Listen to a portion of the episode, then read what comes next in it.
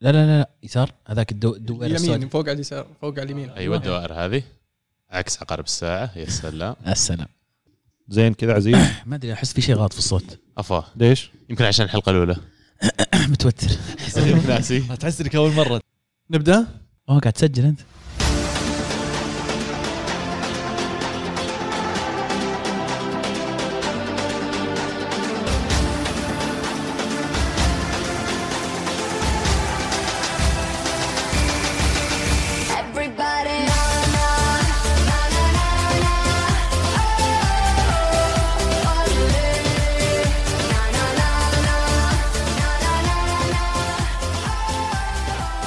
أهلا وسهلا فيكم أعزائي المستمعين والمتابعين في حلقة جديدة من برنامجكم الكورة. معنا موسم جديد ونفس الأعضاء. محدثكم المهند ومع اليوم عبد الرحمن. يا هلا والله وسهلا مهند حياك الله حيا الله عزيز وعبد الله مشتاقين؟ هلا هلا وسهلا هلا بالشباب. يعني اللي ما اللي ما يدرون ترى رجعنا الاستوديو إذا أصواتنا تبدو أصفى وأنقى لأن إحنا رجعنا الاستوديو الحمد لله على السلامة يا شباب. ويلكم باك الحمد لله السلامة الحمد. لله عودة آه، الكرة معنا. بعد توقف يعني كان في ناس موعدين آه، ناس موعدين ناس. بحلقات لكن يعني الظروف يعني معلش يعذرونا تخلي الواحد خروف بس صدق نفس الأشخاص بس احس إني ريفرش جديد يا أخي. كلنا ما أدري إذا تحسوا نفس الشيء بس يعني جاز الصيف تحس إنك تسوي ريست على كل شيء من جديد وترجع الان موسم جديد. الكورة صار فيها أفلام على الثلاث شهور الماضية. يعني متحمسين صراحة ندخل حلقة اليوم. فعلا العودة للاستوديو ترى تعطيك انطباع. يعني زمان ما سجلنا هنا ف آه، شوي آه، في توتر. شكلك نسيت كيف. متباعدين ولا مو متباعدين يا عيال؟ أنا قراب بعدين متباعدين. إيش دعوة؟ متر ونص. إيش فيك؟ اي أكيد. التباعد قصدك. أوكي. لا لا بس أقصد انه يعني قراب القلوب عند بعضيها صحيح. الله الله هذا الله. قصدي. صحيح إيه. صحيح. هين. عرفنا اسم الحلقة. أهلا وسهلا. حي الشباب. آه طبعا آه كنا كان في مخططات إن نسجل في في في الصيف نغطي اليورو والكوبا أمريكا لكن آه، مع الأسف آه ما ساعدنا الأوقات المباريات فواجهنا صعوبة في متابعة المباريات خاصة الكوبا أمريكا وقتها متأخر. يعني من كثر ما انقطعنا المو أتوقع الناس نسوا يمكن أكونتات أو نسوا وين يتابعونا؟ أتوقع؟ ولا والله خاف من والله شوف يعني عشان أذكرك بس يعني تلقانا في في في تويتر و آه، انستغرام وحتى تليجرام تلقانا في في كل مكان آه، تسمع فيه بودكاست اكتب الكورة معنا راح تلقانا. إن شاء الله وتلقى حلقاتنا الماضية وإن شاء الله تلقى حلقاتنا القادمة في المستقبل القريب. ويوتيوب. ويوتيوب بعد صح؟ في عوده اليوتيوب يا شباب ولا شو الوضع؟ ابحثوا عني في كل مكان تجدوني. آه، المفروض انه في عوده لليوتيوب إن شاء الله بس ال- ال- ال- الفكرة الآن إن نبغى نرجع أول شيء ال quality الصوت نرجع زي ما كان لأن فعلا الموسم الماضي على أساس آه، الجائحة واللي صار وكذا الآن آه، راجعين في استوديو من جديد بعد غيبة. اليوتيوب إن شاء الله مرتبين لكم طبيعة محتوى مختلف شوي. إن شاء الله إن بنعطيكم معلومات أكثر في الحلقة هذه أو في نهاية الحلقة عن إيش اللي تتوقعونه من اليوتيوب. لكن مبدئيا يا أخي كلام كبير استوديو يا أخي. ومبروك شباب الموسم السابع الموسم السابع كرة معنا. بداية الموسم سبعة السابع. صاروا نعم. ست سنين من أنا الثالث. أوه ما شاء الله. الثالث أو الرابع. حلو ممتاز. رابع؟ الثالث. الثالث الثالث. هذا موسم الثاني okay. كرة معنا سبع سنوات. حلقة رقم كم قلت؟ يعني 10 ولا, 13000 ولا ما قلت؟ لا ما اتفقنا اني بقول لا، وين؟ ما علمت يعني آه. سألتك وش الموسم قلت لي لا تغلط بالموسم. الموسم السابع الحلقة السابع الأولى. الحلقة الأولى. season 1 episode season 7 7 episode episode 1 ممتاز. الحلقة 300 و وصلنا 300 30 340 عبد الله قاعد يدور، 280. قاعد يدور. طيب وش عندنا مواضيع اليوم؟ لين عبد الله يجيب لنا رقم الحلقة. إحنا 239 آخر واحدة نزلت. 239 فهذه 240. هذه 240 طب سهل الرقم يا عيال إيش دعوه. عد عد عد. أنا أقول نعيد الحلقة. نعيد الحلقة. أهلا وسهلا فيكم. عموما حلقتنا اليوم راح نسولف فيها عن آه، البطولات الصيفية. آه، نبدا سريعة وش صار وش وش الأحداث.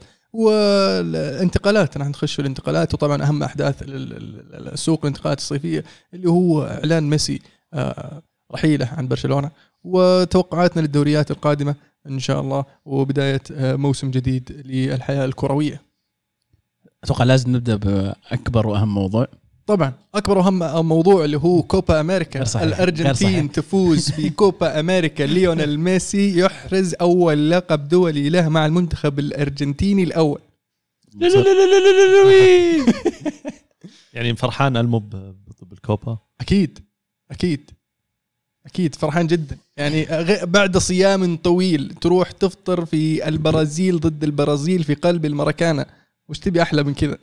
يعني آه، مبروك يا ألو الله يبارك فيك. بس البطوله البطولة ما كان لها طعم. اي فعلا. آه، البطولة هذه السنة كان كانت غريبة شوي. آه، طعمها مختلف عن ما تعودنا على كوبا أمريكا. ال- النظام كان مجموعتين.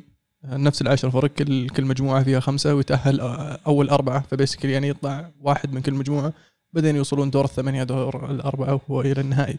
ال- اللي تعودنا عليه في كوبا أمريكا سابقا كانوا يستضيفون آه، فريقين زيادة آه، عادة يكون مكسيك بالإضافة إلى فريق إضافي فيصير عندك كم ثلاث مجموعات يتأهل أول اثنين وأحسن ثالثين بعدين تصير في عندك دور ثمانيه ف يبدو لي إن كوبا أمريكا صار كثير في الفترة الأخيرة إيه. يعني مرة. مرة كثير صار الحين بيرجع طبيعي أي. بعد, بعد آخر بطولة طب تحسون إن فوز أرجنتين مع ميسي أو فوز ميسي مع الارجنتين خلاص يعني عادل الكفة وسكت الانتقادات وحقق بطولة مع المنتخب يعتبر خلاص ما حد يقدر يقول شيء عن ميسي عاد الكفة مع مع كريستيانو ف يعني شوي. لا بس نتكلم عن ميسي دائما نتكلم عن إنه ما يطلع مع المنتخب ما فاز ولا بطولة مع المستوى المنتخب وإن هذا الشيء اللي يفرق عن مارادونا.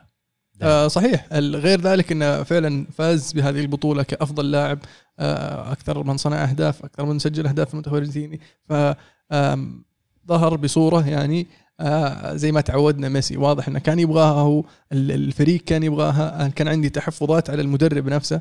اللي جاء كذا بالصدفة وما واستمر مع المنتخب لكن آه آه، أثبت إنه يعني يستحق إنه يستمر مع ال- المنتخب وأثبت إنه يستحق إن ال- الفرصة اللي أخذها آه، مع المنتخب آه، مع إن اللعب الأرجنتين ما كان آه، باللعب الممتع آه، كان شوي آه، دفاعي متحفظ لكن أحيانا في البطولات هذه تحتاج هذه الطريقة من اللعب وقدر يخطف ال- ال- اللقب. وحاليا التركيز بالنسبة للمنتخب الأرجنتيني على كأس العالم القادمة.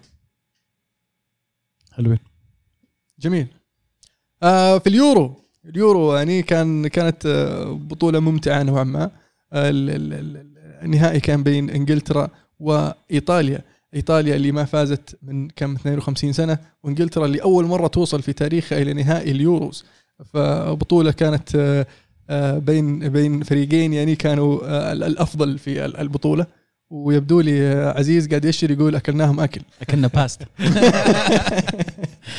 مبروك لكل محبين المنتخب الايطالي صراحة كانت بطولة جميلة. أنا يعني أشوف إن البطوله كانت مرة ممتعة.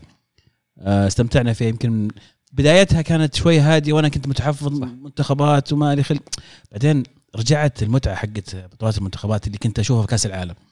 فلما استمتعنا فيها. وكان فيها آه، خلينا نقول آه، يعني أخذ ورد بين الجماهير وطقطق على بعض وإنجلترا بيفوزون و...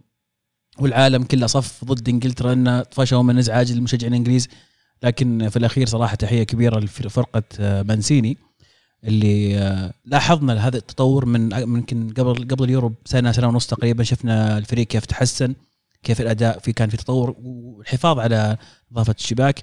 كان في تحفظ كثير من بعض الناس على الاختيارات اللي كان من ضمنها أنا على اختيارات مانسيني في خط الدفاع وإنه كليني وبنوتشي كبار في السن وخلاص حان الوقت لدماء جديدة لكن آه اللي شفناه في البطولة هذه إنهم كانوا مميزين جدا كانوا نجوم البطولة نجوم المنتخب الإيطالي في الدفاع.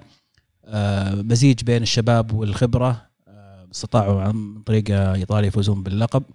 فوز مستحق جدا صراحة وأتوقع إنه الآن ننتظر إيطاليا في كأس العالم وكيف بيكون شكلها ومن اللعيبة اللي بيستمرون ومن اللعيبة الجداد اللي بينضمون. وقدر يوصل يوصل النهائي ويفوز باللقب آه، من دور ما يخسر في 34 مباراة متتالية. تمتد إلى عام 2019 الظاهر. فيعني من من آه، من التصفيات وإلى المباريات الودية إلى ما دخل على البطولة ووصل النهائي وفاز باللقب. وطبعا highlight ال- ال- ال- البطولة وبالتحديد ال- ال- النهائي اللي هو آه، مسكه كيليني لساكا قبل ما يهرب. وبهذه الطريقة يعني قدر يحافظ على آه، النتيجة ويوصل إلى البلنتيات. أنا أتوقع البطولة كانت مفاجأة صراحة بالنسبة لنا من ناحية المتعة ومن ناحية الحماس. أغلب الناس كانوا أنا شخصيا كنت أقول الصيف هذا ما راح أشوف لا يورو ولا كوبا ولا أي رياضة بنقطع عن الرياضة كل الصيف. بس اللي صار إن ال- ال- المباريات صراحة كانت آه، يعني حماس آه، آه، خروج الفرق اللي كانت مرشحة يمكن زادها شوي حماس بروز بعض الفرق الثانية زي الدنمارك اللي قدمت مستوى رهيب. خلتنا نرجع نتحمس والشيء الأساسي أنا أحس الجمهور الجمهور رجع شوي حلاوة للمباريات. فمبروك عزيز. hard luck الإنجليز والمتعاطفين مع ال- الإنجليز. حبيت النظرات اللي وزعتها.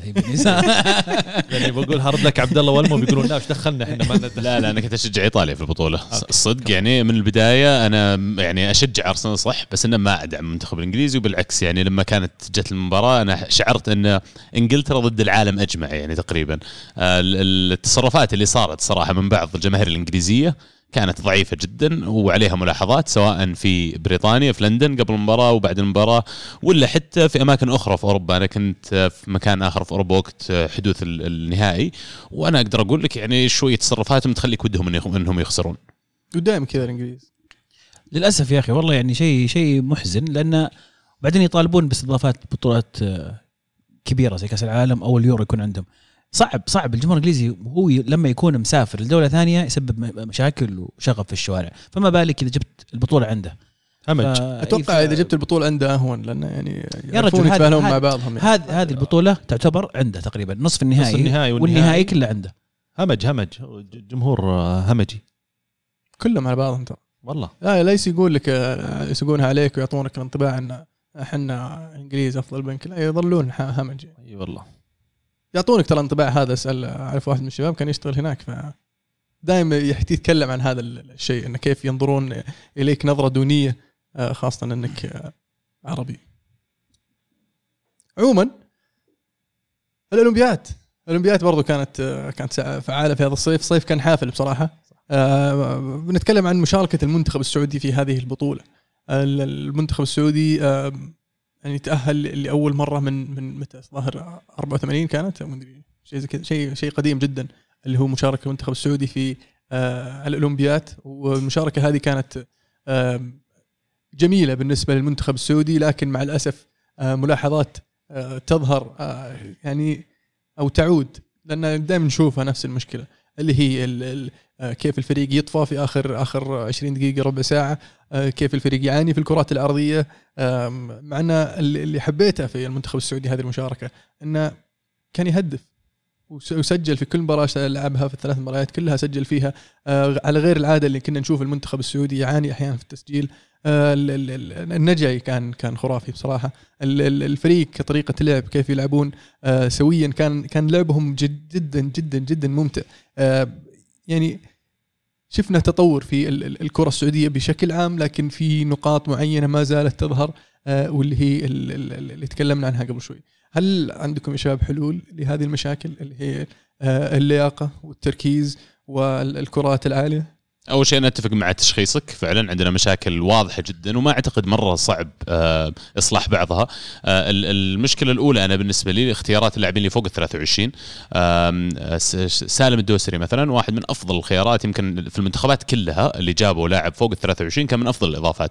لكن بالنسبة لي على الأقل إضافة سلمان الفرج ما, ما مو سلمان, ياسر الشهراني لا لا سلمان- الفرج إيه وياسر سلمان. الفرج okay فإضافة سلمان الفرج ما أضافت شيء كبير أنا بالنسبة لي والمدرب الشاهد عليه كان يطلع عاد كل مباراة تقريبا عادية 70 75 أم، ودد لو إني أشوف جاب قلب دفاع واحد فوق ال 23 واحد طويل واحد يقدر إنه يدعم الفريق يساعده في موضوع ال- الكرات العرضية. أه، بالذات إنه زي ما قلت المو هذا مشكله نعاني فيها حتى مع المنتخب الأول. فيعني فما بالك منتخب الشباب. أعتقد ان في إيجابيات كثير لكن من ضمن السلبيات اللي موجودة كانت آه، يا أخي روح القتال. أنا لما أجي أشوف مباراة كأس عالم لو تذكرون آخر كأس عالم اللي صار في روسيا لما تجي تشوف اليابان كيف تلعب المكسيك كيف تلعب آه، المنتخبات هذه الصاعدة كيف تلعب ينزل المباراة ما يهم هو قاعد يلعب ضد مين يا شيخ حتى لو قاعد يلعب ضد بطل العالم راح يخلي بطل العالم ي... لازم يركض 120% عشان يفوز عليه صح؟ يحقر نفسه. إي صح أنت قوي اللي ضدي لكن والله بطلعها من عينك قبل ما تفوز عليه أنا ما أشعر بالروح هذه من المنتخب. أكرر على المنتخب الأولمبي؟ هذه ما نشوفها أتفق معك أنا في هذه النقطة. وما نشوفها إلا لما المنتخب السعودي يلعب مع فريق آسيوي أو فريق عربي. تشوف المنتخب السعودي يظهر بشخصيته المعروفة. آه، لكن لما يلعب أحد فرق ضد فرق أوروبا أو أو, آه، أو الأمريكيتين يعني تلقاه آه، تحس إنه فيه فيه رهبة فيه فيه رعب شوي يعني أنا ما أبغى. أستخدم الكلمة هذه بس عقدة نقص شوي ومركب نقص. لما آه. يجي الموضوع ضد الفرق هذه الأوروبية اللي عندها لاعبين يلعبون في أوروبا وغيرها تحس إنه كأن اللاعبين ما ودي أقول خايفين لكن يعني كأنه ينظر نفسه أقل منهم. لا يا حبيبي ما عاد أنت بأقل منهم. اليوم أنت في 2021 الأكسس ولا القدرة على إن الواحد يعني يقارن نفسه بغيره في أي مكان حول العالم الفروقات صارت تصغر أكثر بكثير من أول. أول صح أنت قاعد تطق كورة هنا حواري في الصيف وغيرها لكن اليوم أنديتنا محترفة أنديتنا قاعدين يجيبون أندية أجانب أو لاعبين أجانب من جميع انواع انحاء العالم أسامي كبيرة صارت في الدوري. فغير مقبول اليوم لما أنا أجي أشوف مرة ثانية المكسيك ولا اليابان ينزلون كأس العالم والحرث اللي يسوونه في الملعب وتجي يعني زي أشعر شوية في انهزامية الاتيتود ال- أنا كنت أطمح المنتخب السعودي وأعتقد بناء بس على الإمكانيات على المنتخب الأولمبي تحديدا كان المفروض يعني بالراحة نطلع من المجموعة ولو كانت المجموعة قوية يعني أول مباراة طرد ضدك مباراة ألمانيا طرد ضدك طلعت أنت من أول مباراتين. وما طلعت بولا نقطة. فيعني شيء مؤسف الصراحة. وعلى فكرة ترى المكسيك واليابان في الأولمبيات نفسهم تأهلوا إلى نص النهائي فريقين. مو بس على مستوى كأس العالم حتى على مستوى اللاعبين الكبار حتى على مستوى اللاعبين الصغار. وساحل العاج اللي يعني يمكن أغلب لاعبيتهم كانوا كلهم لاعبين محليين مو مو محترفين آه أنا أتفق معك تماما في موضوع سلمان الفرج. يعني آه لاعب جاي من من موسم مرهق آه وإصابات. يعني وفيه وفرة في في هذا المركز بالذات في في ال- في المنتخب. لكن بعد إصابة حسان تنبكتي مع ال- المنتخب الأول آه، افتقد المنتخب الأولمبي عنصر مهم في خط الدفاع كان يلعب بشكل أساسي في كل الفترة الأخيرة حتى على مستوى التصفيات.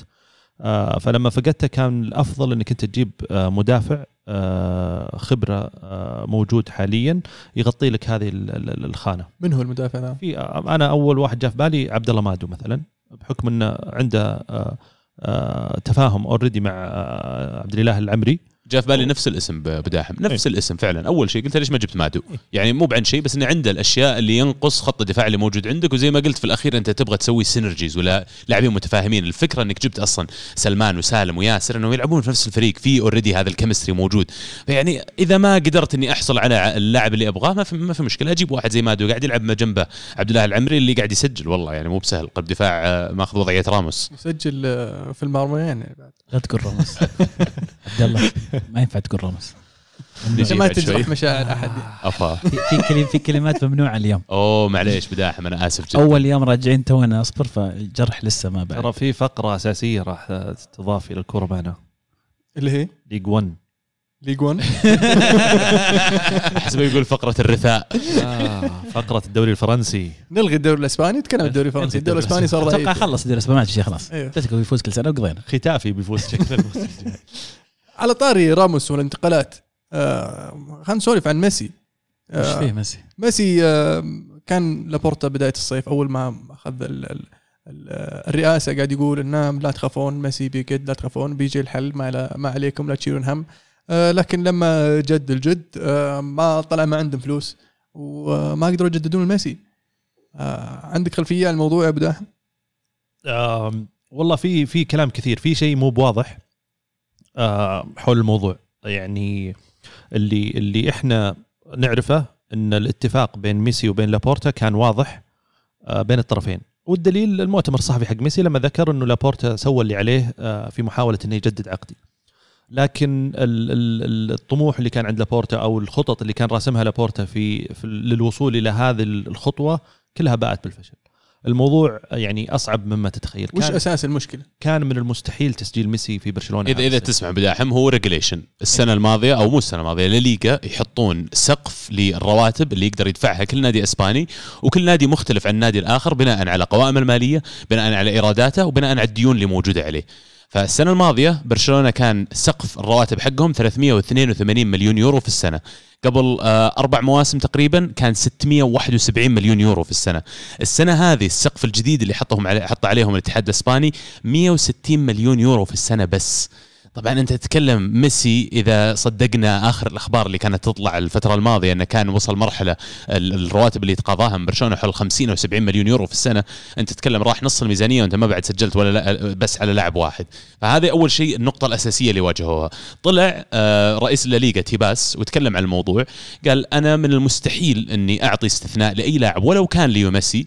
إنه يسجلونه ولا أرفع لهم ال cap هذا لأن في الأخير القوانين هذه وضعوها الأندية ووضعوها لحماية الأندية أصلا من من نفسها، حمايتها من الإفلاس، حمايتها من الدخول في دوامة آه ديون ودوامه دوامة إفلاس مادي، آه برشلونة عليه ديون أكثر من مليار يورو الحين. وفي نفس الوقت الإيرادات حقتهم من سنة 2020 طبعا الجميع لكن يعني نزلت بشكل مخيف جدا. فأدى الموضوع الآن مو بس ميسي ترى على فكرة حتى اجويرو إلى اليوم إلى لحظة تسجيل الحلقة هذه ترى ما تسجل فعليا. يعني برشلونة الأربعة عندهم كلهم اللي جد سجلوا سجلوهم هذا الصيف ولا واحد سجل فعليا آه، مع برشلونة. أنا ما أدري وش الجدار ذا الجديد اللي داخلين فيه لكن برشلونة هم حاطين في بالهم إنهم لازم يطلعون تقريبا سبع أو ثمان لاعبين من الفريق الأول على أساس بيبيعونهم. طيب إذا برشلونة أنت ما قدرت تبيعهم هذا اللاعبين والأندية على فكرة اللي بيجي يتعاقد مع هاللاعب ظنك لما يدري إن برشلونة في ضائقة زي كذا بيجي بيعطيه عرض زي الناس؟ يا حبيبي. تعال عطني ببلاش احمد ربك إني أشيله منك من رواتبك يعني. فبرشلونة دخلوا في المعمعة هذه الحين. واللاعب نفسه أصلا رافض إنه ينزل راتبة. يعني مثال أمتيتي آه، رافض. يعني أنا قاعد أستلم مبلغ وقدره مع برشلونة وباقي في عقدي موسمين. لا بقعد هذه الموسمين بستلم راتبي كامل ولا أنت تسوي لي تصفية وعطني رواتبي كاملة وبطلع. ما راح أطلع. ال- اللي صار هو مشابه لقانون اللعب المالي النظيف آه، أو أو الكفاءه المالية اللي موجود هنا في السعودية. آه، نظام جديد أقره رابطة الدوري الإسباني لحماية الأندية زي ما قال عبد الله من الإفلاس أو من الانهيار إنه في حال أي وجود أي دخل للنادي من عملية بيع أو أو أو, أو ربح يخص النادي النادي ما يقدر يستفيد إلا من 25% من آه، هذه القيمة. بمعنى أنت الآن قدرت توفر رواتب أو قدرت تبيع لاعبين جبت 100 مليون يورو. النادي ما يقدر يستخدم إلا 25% من ال 100 مليون آه، يعني 25 مليون آه، في تعاقد أو في آه، دفع رواتب وما إلى ذلك. ال 75% هذه دايركتلي تروح تسديد ديون والالتزامات اللي عليك إجباري غصبا عنك.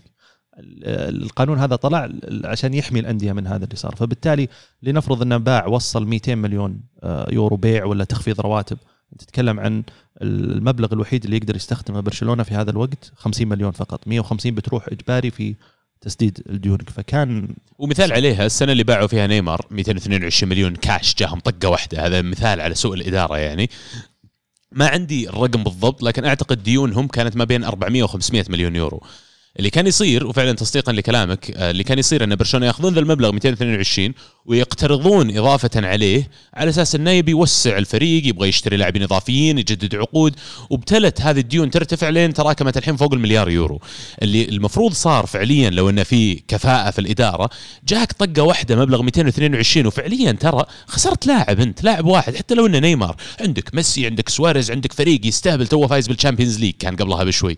فيعني ال sensible الشيء المفروض سووه انه مسكت هال 222 يا أخي فعليا ورميتها كلها تسديد ديون يا شيخ. أنزل ديوني من 450 إلى 200 200 أنا صرت في وضع الحين مادي آه، مناسب وضع ممتاز لكن إيش سووا؟ كلنا نعرف راح فسفسها 120 مليون على كوتينيو اللي ما كمل معاه نص موسم ثم وداه إعارة البايرن يفوز معاه بال Champions. راح جاب لي آه، من دورتموند آه، أوسمان ديمبيلي اللي ما لعب معاهم إلى الآن مو قادر يثبت مكانه أساسي. كثر الإصابات. أخرتها جريزمان. جريزمان. وبعدين فوقها بعد الصيف اللي بعده جريزمان. والفكرة مو بس هذا الفكرة هذه كلها في خلال وقت قاعدين يجددون لاعبينهم الكبار. في خلال وقت انت عارف ان ميسي عقده سنوي ينتهي بنهاية كل سنة يقدر انه يطلع. ويعني ما أقدر أقول غير إن سوء إدارة فادح جدا صار في برشلونة خلال مو بالسنة سنتين الماضيات خلال خمس ست مواسم الماضية. فترة روسل ويوم مسكوه على سالفة آه، التلاعب إيه. ومسك برتو- مسك صديقه برتوميو. برتوميو كان معاه أصلا في الفيلم وراح كمل الفيلم اللي كان يسويه آه، روسل و- وجاب برشلونة في الحضيض معه. والحين آه، يعني لابورتا الله يعينه عنده مهمة صعبة في إعادة بناء برشلونة ومفروض جمهور برشلونة يتصبر على اللي اللي صاير عنده واللي اللي المفروض يصير إن برشلونة يبدأ يبيع آه لكن زي ما قلت المشكلة إن ما في أحد راضي يدفع لانكم كلهم عارفين إن برشلونة آه محتاج الفلوس ورواتب لعيبتهم جدا عالي مين مين بيدفع لهم هذا الراتب؟ فإذا جاء فريق مثلا يشيل يشيل جريزمان خلينا نقول برشلونة وافق إنه يبيع ب 20 مليون فبيجي النادي هذا يقول أوكي بعطيك ال 20 مليون بس أنت جريزمان اللي تاخذ 600 ألف آه، يورو في الأسبوع أنا ما راح أعطيك إلا 200 ألف فجريزمان بيقول لك لا ليش أطلع؟ ولا هل. حقنا يقول لا. إيه لو قال لا ما تتم الانتقال. وعلى الجانب الآخر بس عشان كمان يعني نوضح وجهة النظر ب- باقية بارتوميو وغيره ما كانوا يتوقعون إن 2020 بيصير اللي صار. ما كانوا يتوقعون إنه بيصير شيء ينزل كرة القدم يخفس بها ويصير ما في جمهور وغيره. ولا تنسى يا عيال ملعبهم 90 ألف متفرج تقريبا. 90 ألف متفرج ترى يعني ال tickets هذه بشكل موسمي وبشكل مباراة ويعني وعلى ال Champions وغيره يفرق فيها كثير. أضف إليه إن كل الجوائز وكل الأشياء اللي كانت متعلقة بالأشياء هذه وحتى عقود الرعاية نزلت بشكل نسبي فيعني ارتفعت التكاليف نزلت الإيرادات زادت الديون دخلوا في جدار. حاليا آه، رواتب برشلونة 110% من مداخيلهم. فهذا اللي, حالياً. اللي مخليهم إي حاليا. هذا اللي مخليهم أصلا ما يقدرون يسجلون مداخيل وليس حتى أرباح إي. إي لا لا ال- ال revenue هو هي هي مشكلة متراكميه وعشان كذا لما كنا نتكلم قبل نقول إن ال- عملية ال- ال- الإحلال وعملية البيع لازم تكون من بدري حتى قبل الجائحة. يعني في لاعبين وصلوا إلى مرحلة خلاص يحتاجون إنهم آه، يعني يتبدلون. يعني ريال مدريد كريستيانو في عز آه، وضعه وبيريز لما شاف إن الأمور ممكن تصير صعبة لا مشى. آه، غيره بعدها لما جاب هازارد كانت في فترة موسمين أو موسم اللي قبله كان ما ما سويت ولا صفقة. فبالتالي آه، هنا الفرق كان في كان في الإدارة. مع العلم إنه وكثير كانوا يتكلمون عنها و وجابوا طاريها ال- ال- ال- ال- الصفقة اللي ذكرها لابورتا في المؤتمر الصحفي إن اللي عرضها عليه تيباس لما قال آه، 50 سنة قدام آه، حقوق يعني في في بنك اسمه CVC. هذا بنك استثماري عرض إنه يقرض ال- ال- الدوري الأسباني مبلغ وقدره بمقابل الحصول على على 10% من حقوق النقل لبرشلونة وريال مدريد لمدة 50 سنة قدام. حقوق الدوري الإسباني. حقوق النقل حقوق نقل الدوري الإسباني لناديين فقط اللي هم ريال مدريد وبرشلونة. اللي فهمت إنه بيأخذون 10% من لا ليغا. آه لا آه هو ريال مدريد وبرشلونة بالأخص أو أو ممكن لا ليغا لكن ال- الموضوع لسداد هذا الديو لسداد الدين أو القرض اللي بيأخذه آه الدوري الإسباني آه اللي بيتوزع على كامل الأندية لمدة 50 سنة قدام راح راح ياخذ آه 10% من هذه القيمة وهذا الشيء اللي رفضه لابورتا أساس كذا هو متمسك في موضوع Super League بشكل يعني كان آه واضح. كلهم. هذه النقاط بعد آه، نقطة ال Super League أن إدارة برشلونة بإدارة طبعا بارتوميو كانوا مأملين كثيرا بال Super League على أساس إنه هو اللي بينقذهم. وما توقعوا ردة الفعل من العالم الكروي اللي صارت وتكنسل الموضوع وزاد الطين بلة بالنسبة لهم. statistic يا شباب. آه 2019 2020 بس عشان يعني يصير عندكم فكرة على ال- الجدار اللي داخلين في برشلونة. ال- ال average خلينا نقول المعدل الرواتب لكل لاعب في برشلونة آه 12.3 مليون يورو في السنة. أو مليون دولار هذه sorry مليون دولار في السنة. ال- ال- عشان نسبة وتناسب بس المركز الرابع على ال list ه هذه آه فالنسيا 3.12 عشان بس تتخيل إن برشلونة إلى أي مدى أخذوا موضوع عقودهم والمبالغة في الرواتب المعطاة للاعبين؟ 12.3 مليون يورو معدل. عندك سكواد 25 و30 لاعب.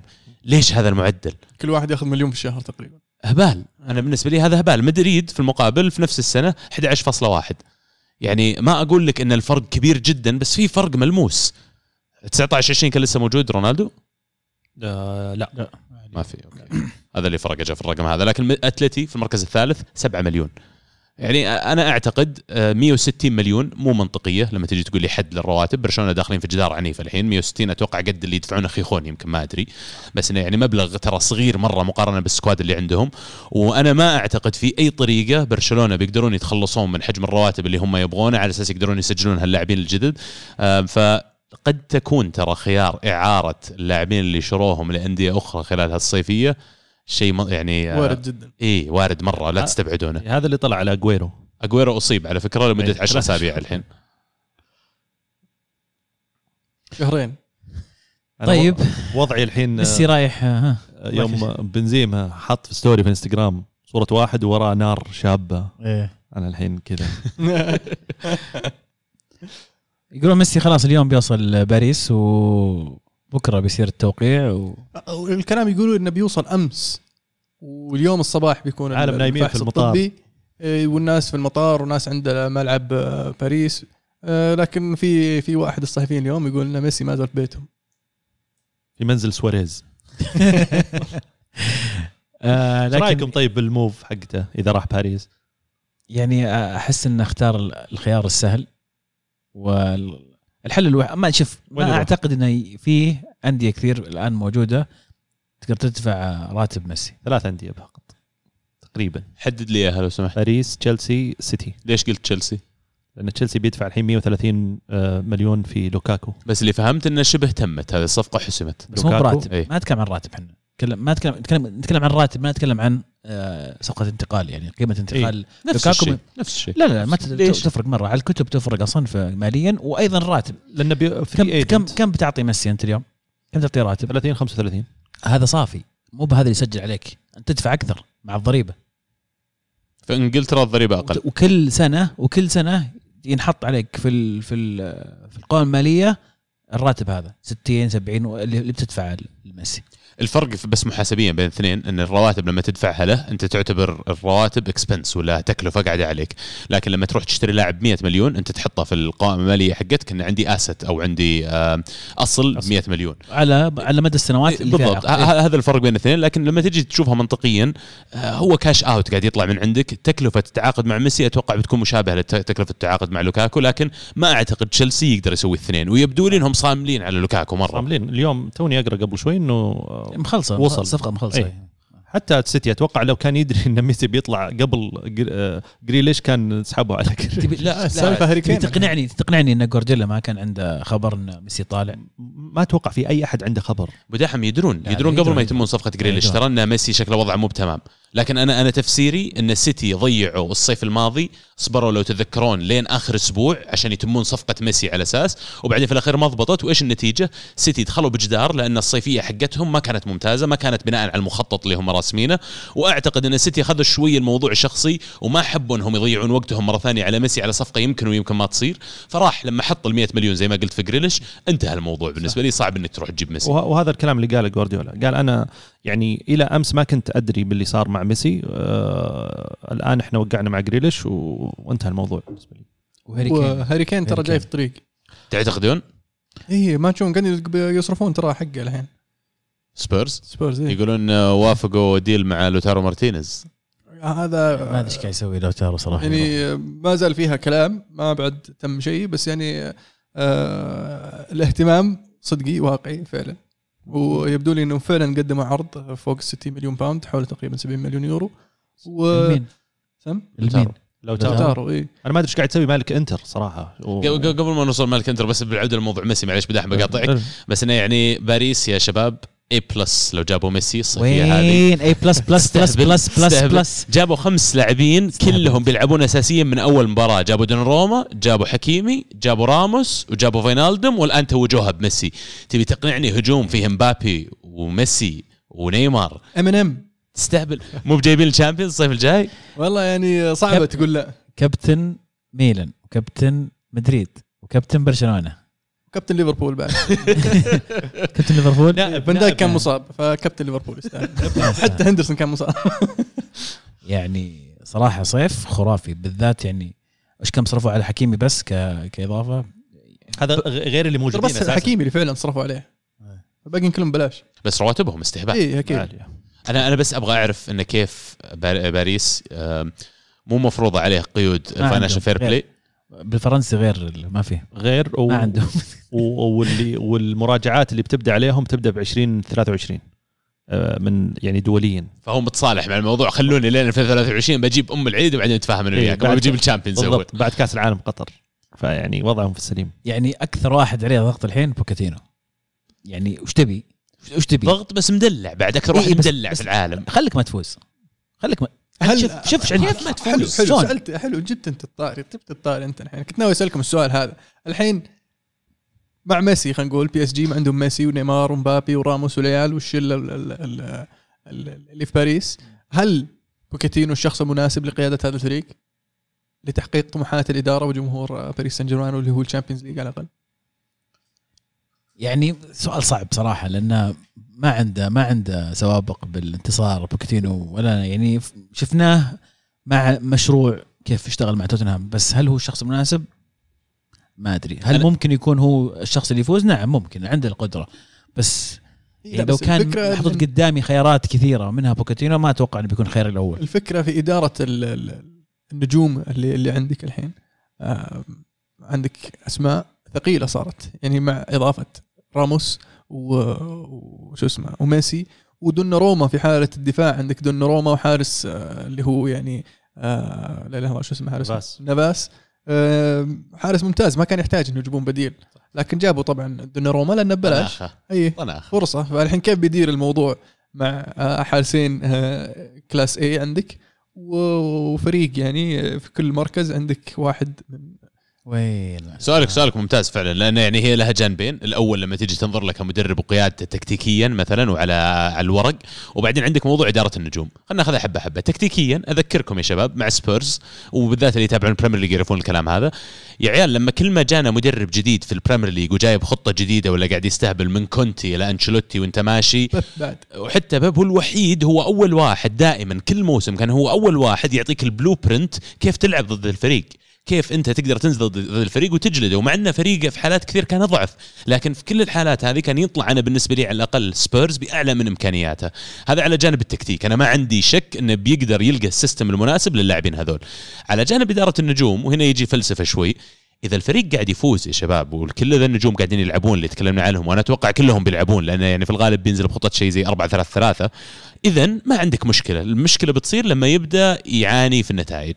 هنا اللي بتبدأ عبد الله لا تنسى. عندك عندك إيكاردي ودي ماريا وأسماء كثيرة. إيكاردي بيطلع برا الصورة مو بلاعب إيكاردي مو بلاعب ما يخالف بس أنت تحتاج أنت تحتاج صف ثاني. تلعب كم بطولة أنت؟ لا لا أنت ملاعب. ميسي كل المباريات انت ملاعب موجود. هذا هو بس كيف تخليهم مبسوطين طول الوقت؟ تخلي ديماريا مثلا؟ ديماريا من الناس دي ماريا اللي- ما تتوقع بيلعب CM؟ ما أدري ما. يصير هو وفينالدوم والايطالي حتى لو. بيلعب آه، مجاملة يعني عشان عشان ديماريا. يمكن خلص وقتك دي ماريا جبت ميسي أنا بعد إيش تبي يعني. جبت upgrade أرجنتيني. بس يعني آه، أصحاب اثنينهم أتوقع ما ما تبغى تزعل ميسي تطلع دي ماريا ديجا لأن عندك معليش عندك كمية خمام تديك تمشيهم وتخلي دي ماريا ترى في خانة قدام يمكن تصير فاضية في نهاية أوغست يعني لا تستعجلون. ما هي مبابي بصايرة مجنون هذا اللي بيجيب مبابي بالله مدريد احد لا والله يجيب. بالله أنت احد يجيب لك ميسي في فريقك تقوم تطلع. أكيد. والله ما اطلع ليش؟ بقعد بلعب مع ميسي إيش فيك؟ عم بزرع من 22 سنة بلعب مع ميسي طبعا. أنا شايف مباراة اول. أنا شايف أول مباراة لباريس اللاعب يلعب بدون نفس. وباقي له عقده سنة أصلا بس مبابي سنة. صح؟ خلاص إيه. والله بلعبها مع ميسي يعني ميسي بيقعد. سنتين. ما يعني تستبد بي- ترى يجدد سنة إيه، زيادة عشان يكمل إيه، سنتين مع يعني. بيخلي الخليفي يطلع ببلاش السنة الجاية. ما عنده مشكلة. بيجدد الحين. شوف. لا ما راح. شهرين يجدد صدقني. طيب يا خورخي مندز. جيب لك.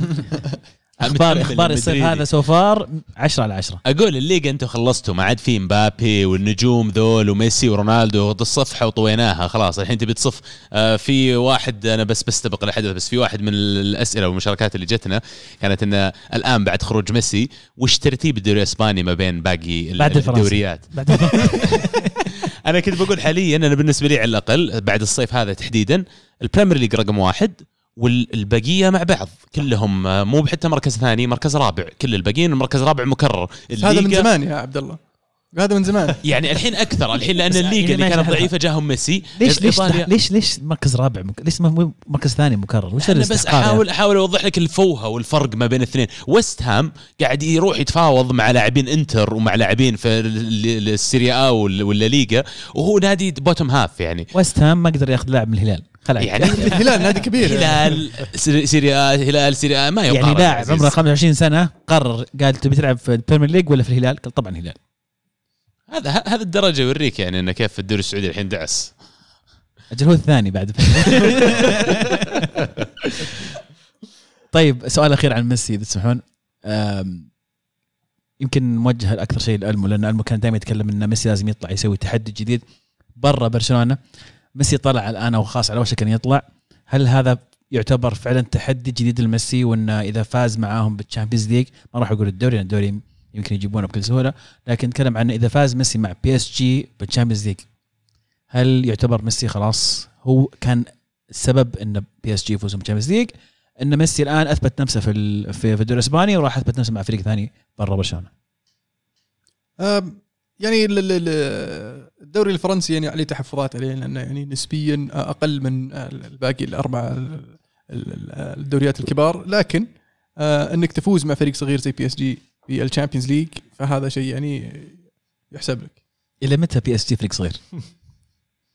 راح يظل فريق صغير ما دام مارسيليا ما زال موجود في الدوري. حتى لو فاز بال Champions League؟ يعني آه معليش بس يعني نوتنغهام فورست فازوا بال Champions League وين فيه؟ حلو. أكثر فريق بطولات فرنسي مين؟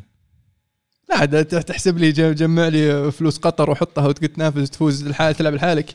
أكيد بتجمع بطولات يعني- الد- الدوري ال- ال- الفلاحين. بس يعني آه، لما تشوف PSG إلى يقارع الكبار يعني ترى كان يعاني كثير. صحيح. و قبل 13 سنة كان بيهبط PSG صحيح. فيعني حاليا قاعد يحاول يجبر الفجوة اللي بينه وبين الأندية الكبيرة في أوروبا بأنه يوقع مع أفضل اللاعبين. آه، شفناه يوقع مع نيمار شفناه يوقع مع آه، مبابي والحين قاعد يحاول يجيب ميسي.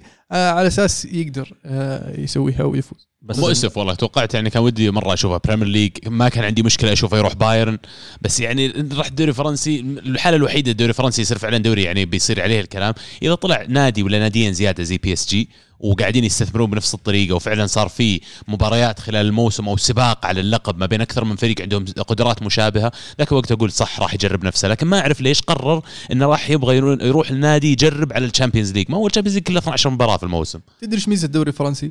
أنك تقدر تفوز فيه من غير ما تدفع مليارات.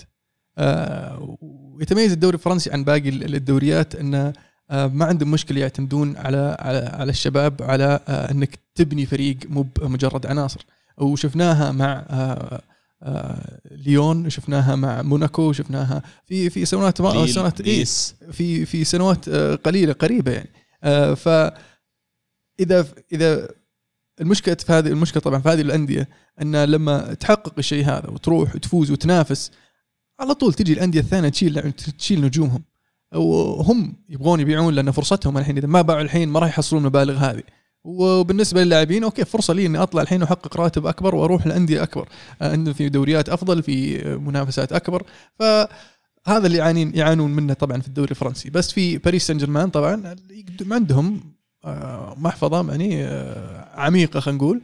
فيغنونك بالرواتب ما تحتاج تطلع. حتى لو جاك نادي أكبر ما راح يعطيك الراتب اللي أنا أعطيك إياه. وكثير من اللعيبة يعني يهمهم الراتب طبعا قبل أي شيء. وبالنسبة للأندية هذه الفرنسية الثانية ترى ما عندها مشكلة إن الموديل حقها زي ما قلت ينافس موسم موسمين اللاعبين حقنا يبرزون يبيعهم يرجع يبني من جديد. لأن زي ما قلت أول شيء ال infrastructure والبنية التحتية اللي موجودة في إنتاج المواهب مخيفة ترى في فرنسا. فرنسا أحد الأماكن في باريس تحديدا مثلا عندهم شيء اسمه elite academy ما أدري لو تعرفونها لكن في elite academy هذه ما عندها نادي كورة هي أكاديمية كورة. هدفها وبس وظيفتها إنتاج المواهب. ومن ضمن المواهب اللي إنتجتها مثلا أسامي اللي نعرفها هنري تريزيجيه أم، يروحون لهال academies ال elite academies ويطلعوا منها. والظاهر إحنا حتى جنوب جنوب باريس. ال- ال- ال- الظاهر حتى مبابي الظاهر مر عليهم. مبابي نعم. اي فيعني أنت تتكلم عن بنية تحتية موجودة مخيفة وبعدين مدينة زي باريس واحدة من أكبر المدن ال major في العالم. ما فيها إلا نادي واحد باريس. في يعني في نادي ثاني. أنا اللي فهمت إنه ما في إلا one major club في فيها. باريس FC. جديد ذا ولا شو اللي وضعه؟ يكون آه، أتوقع البحرينيين. جديد؟ في الدرجة الثانية شيء زي كذا. أتوقع يعني نوع ما جديد بس إنه ما ما يعتبر يعني. إي فالفكرة مرة ثانية إنك أنت في واحدة من المدن الكبرى مقارنة لندن فيها يمكن 20 و30 نادي هذول في أول أربعة ديفيجنز يمكن يعني أحس ما أدري أحس فرق كبير. إنجلترا يعني بس- كرة القدم. فرق كرة القدم نعم. فرق بين 31 فرق مخيف يعني مو ب صح. والله hard luck برشلونة. أنا حاسس فيكم والله والله. إيوه hard بس luck. كأرسنالي كأرسنالي معليش بزعلكم والله تستاهلون. أه، بس ونكاية باللي كنتوا تسوونه في الأندية الثانية ومن ضمنها أرسنال اللي ما خلوا ولا لاعب يجون ويطاردونه بطرق غير شرعية وبطرق غير أخلاقية بداية من هليب إلى إلى فابريجاس حتى سونج ما خلوه جو خذوه. يعني يا حبيبي تستاهل ما جاك. معليش بس كنت بطلعها من خاطري يعني. حقك. استانس hard luck للمشجع البرشلوني البسيط اللي ما له دخل في القارات هذه كلها. اللي ما كان يشجع برشلونة ذاك الوقت okay ما لي دخل فيه لكن يعني ومبروك أتوقع آه، لكل ال PSG يين من الصغر. الآن. أنا أنا ب... لو سمحت بعدين باريس ترى لاعبين فيه لاعب لاعبين كبار على مستوى التاريخ. PSG اوي تاريخي. PSG اوي تاريخي يعني رونالدينو جورج ويا آه جونينهو. فريق يعني عنده تاريخ وعنده إرث. اذكر جونينيو مكان في ليون؟ فوتبول إريت. آه لا مو جونينو بسيطة. شو اسمه؟ لم تزبط أخيرا لم تزبط. الاسم الثاني مو مو اللسته ليوناردو. بسرعة. بوفون. ليوناردو. بوفون. بوفون. نعم. عطني عطني آه، تشكيلة آه، أحسن فريق بي اس جي قبل ما يجون قطريين بوفون وراموس آه قبل آه لا قبل صعب. قبل آه شو اسمه؟ وكاتينو كان يلعب معهم انت عارف بوكاتينو. صح معروف. الدف- الدفاع هو؟ تقريبا. آه، رونالدينو الطرف. باوليتا تعرف باوليتا باوليتا- آه، المنتخب البرتغالي باوليتا وهداف مهاجم. تاريخي معروف. لمنت- لباريس سان آه، جيرمان ليوناردو البرازيلي طرف يسار. حلو. آه، رونالدينيو ماكس- يسار ماكس رونالدينيو يسار وسوري جورج ويا. يمين آه، ذا أوكي جورج ويا تسعة ونص ماكس ماكسويل ظهير يسار اكسل أوه. أتوقع إيه أوكي حلو آه بي تي بدأ ينط الأسماء فرنسيين عرفت يمكن كان في باريس دوغاريه دوغاريه ذا مهاجم حقهم تقري صح؟ إيه صح تقري حلو ما اعرفه بصراحة أبو شعر عارف أبو شعر. معروف إيه. 98 كاس عالم إيه. رقم إيه. 15 آه وأنا يعني نلعب بعشرة وبنفوز. الحارس من هو طيب؟ الحارس آه، شو اسمه ذاك؟ آه، كاميروني. آه مندادا ما أدري شو اسمه. من دا من دندا يلعب في شيء. لا يا شيخ. أنا أقول قفل سالفه بي إس جي بدي لا تحاول. هارد لك خروج آه، راموس على فكرة.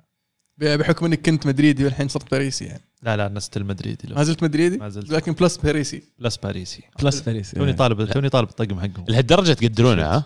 بتتابع PSG عشان ترى؟ هو الحالة بس توني طالب تي شيرت لا بس أتوقع يعني في كذا أحد يشعر نفس الشعور عليه يعني آه، أنا مع ميسي. حسام أخوي. بعد بقول لك إيه، شيء آه. أنا لما شفت ميسي وقريت الخبر يعني انبسطت شوي انبسطت شوي لأني قلت الحين قاعدين تحسون بشعور اللي أنا آه، فحسيت قبل. بالتعاطف شوي يعني عرفت اللي في واحد كاتب يا جماعة احسها فيلم من إدارة لابورتا وبكرة بيعلن إنه ترى لعبنا عليكم و... وهذه كانت خطة للضغط على الاتحاد الإسباني ورابطة الدوري الإسباني و- وميسي ترى قاعد أنا كنت ما زلت أقول لا أنا- ممكن هذه. خطة إيه. للضغط على راموس عشان يخ- يقلل راتبه و... ويوافق بس راح للحين ترى الخطة ماشية والله إيه. إيه الرجال بيلعب ما تحس غريب الحين بتشوف راموس يدافع عن ميسي لما يكسرونه ويجي هايط عليهم يعني أحس شوي ما مو بداخله مخي شوي الرجال سوى له فولو في انستغرام على طول بعد. المؤتمر الصحفي أقول لا بس يحذف يمين راموس كذا يجي يقصبه في نص مباراة بس أبوي ركز ركز ما عاد. يشوف عرفت لا لا آه، بالنسبة لي آه، يعني خروج راموس طبعا خروج صعب كان جدا. يعني لاعب كنت يعني أنا عن نفسي شخصيا عاصرته من يوم ما جاء لين ما مشى. وصل إلى هذه المرحلة آه، من مسيرته مع ريال مدريد مشى. آه، والبطولات اللي حققها وال- والشخصية اللاعب اللي اللي اللي اللي أثرت على الفريق وكانت تأثيرها إيجابي على مستوى حتى اللاعبين الصغار. يعني ترى آه، راموس يمكن لعب مع لاعبين لو أقول لك أسمائهم الحين الآن آه، ما تدري منهم ولا قد يعني مروا عليك الظاهر في في, في يكفيني. انه لعب مع جرافيسن جرافيسن طال عمرك غير أسطورة. غير هلجيرا أهون بافون آه، ميغيل هذا درينثي. درينثي وكل هذه الأمور لا أتكلم حتى عن دفاع وال- والشيء الإيجابي زين إن ال- كثير لاعبين أو الخط الدفاع الحالي اللي موجود كلهم لاعبين جو مع راموس ويمكن هو فرق بسيط ولكن كلهم جو صغار يعني. فاران كارفخال آه، ربيهم راموس يعني. آه، يعني آه، بس فعليا فعليا يا أبو داحم راموس وصل إلى نهاية مسيرته يعني خلاص عمره 34 سنة. صح. فيعني ما يقدر يساعد مدريد إنه يحقق اللي اللي يبغى يحققه في السنوات القادمة. في وجهة نظري الخسارة الأكبر اللي هو خسارة فران فران لاعب شاب عمره 28 سنة ما زال في في أوج عطائه. فهذه الأربع سنين القادمة اللي ممكن آه لو قعدها مع مدريد إنه شوف. ينسيك راموس آه، شوف أنا ضد هذا وجهة النظر هذه لأن اللاعب اللي اللي آه، سوى تاريخ معك أو كان له تأثير إيجابي معك وما كان بهذا السوء اللي أنت تضطر إنك تبيعه أو تأثيره كان سلبي على الفريق آه، ليش ما أخليه يقعد؟ حلو حلو خصوصاً- هذا هذا سؤالي الجاي اللي هو بيريز الحين طريقة تعامله مع راموس كمدريدي هل أساءت لك لأن القصة انه راموس طلب علاوة على راتبه وبعدين قال له بيريز ما في قام قال راموس أجي أنا ما أبغى أجلس. قام راح تعاقد مع ألبا وبعدين جاء راموس قال لا خلاص أنا وافقت بجدد الظاهر بنفس الراتب أو أقل شوي. حتى قال يا حبيبي أنت قلت لي بتمشي فما عاد عندك مكان هنا. فهل أنت ما عندك مشكلة كمدريدي مع الأسلوب هذا؟ لا شوف آه، هو خطأ من الطرفين. أنا دائما ألوم راموس على أنه يعتمد كثير على وكيل أعماله اللي هو أخوه. أخوه آه، يعني معروف بأنه شخصية صعبة وأنه يعني تأثيره كبير على راموس. وراموس يعني في لحظة من أو في فترة من الفترات لما شاف آه، سوء تعامل أو أو أو أو قلة حماس في عملية التجديد آه، قال أنا بمشي. آه، بتعرف لحظة فأنا هنا دوري كإدارة آه، مع لاعب زي راموس المفروض إني أنا يعني أحاول إني أقرب وجهات النظر. أبجيك.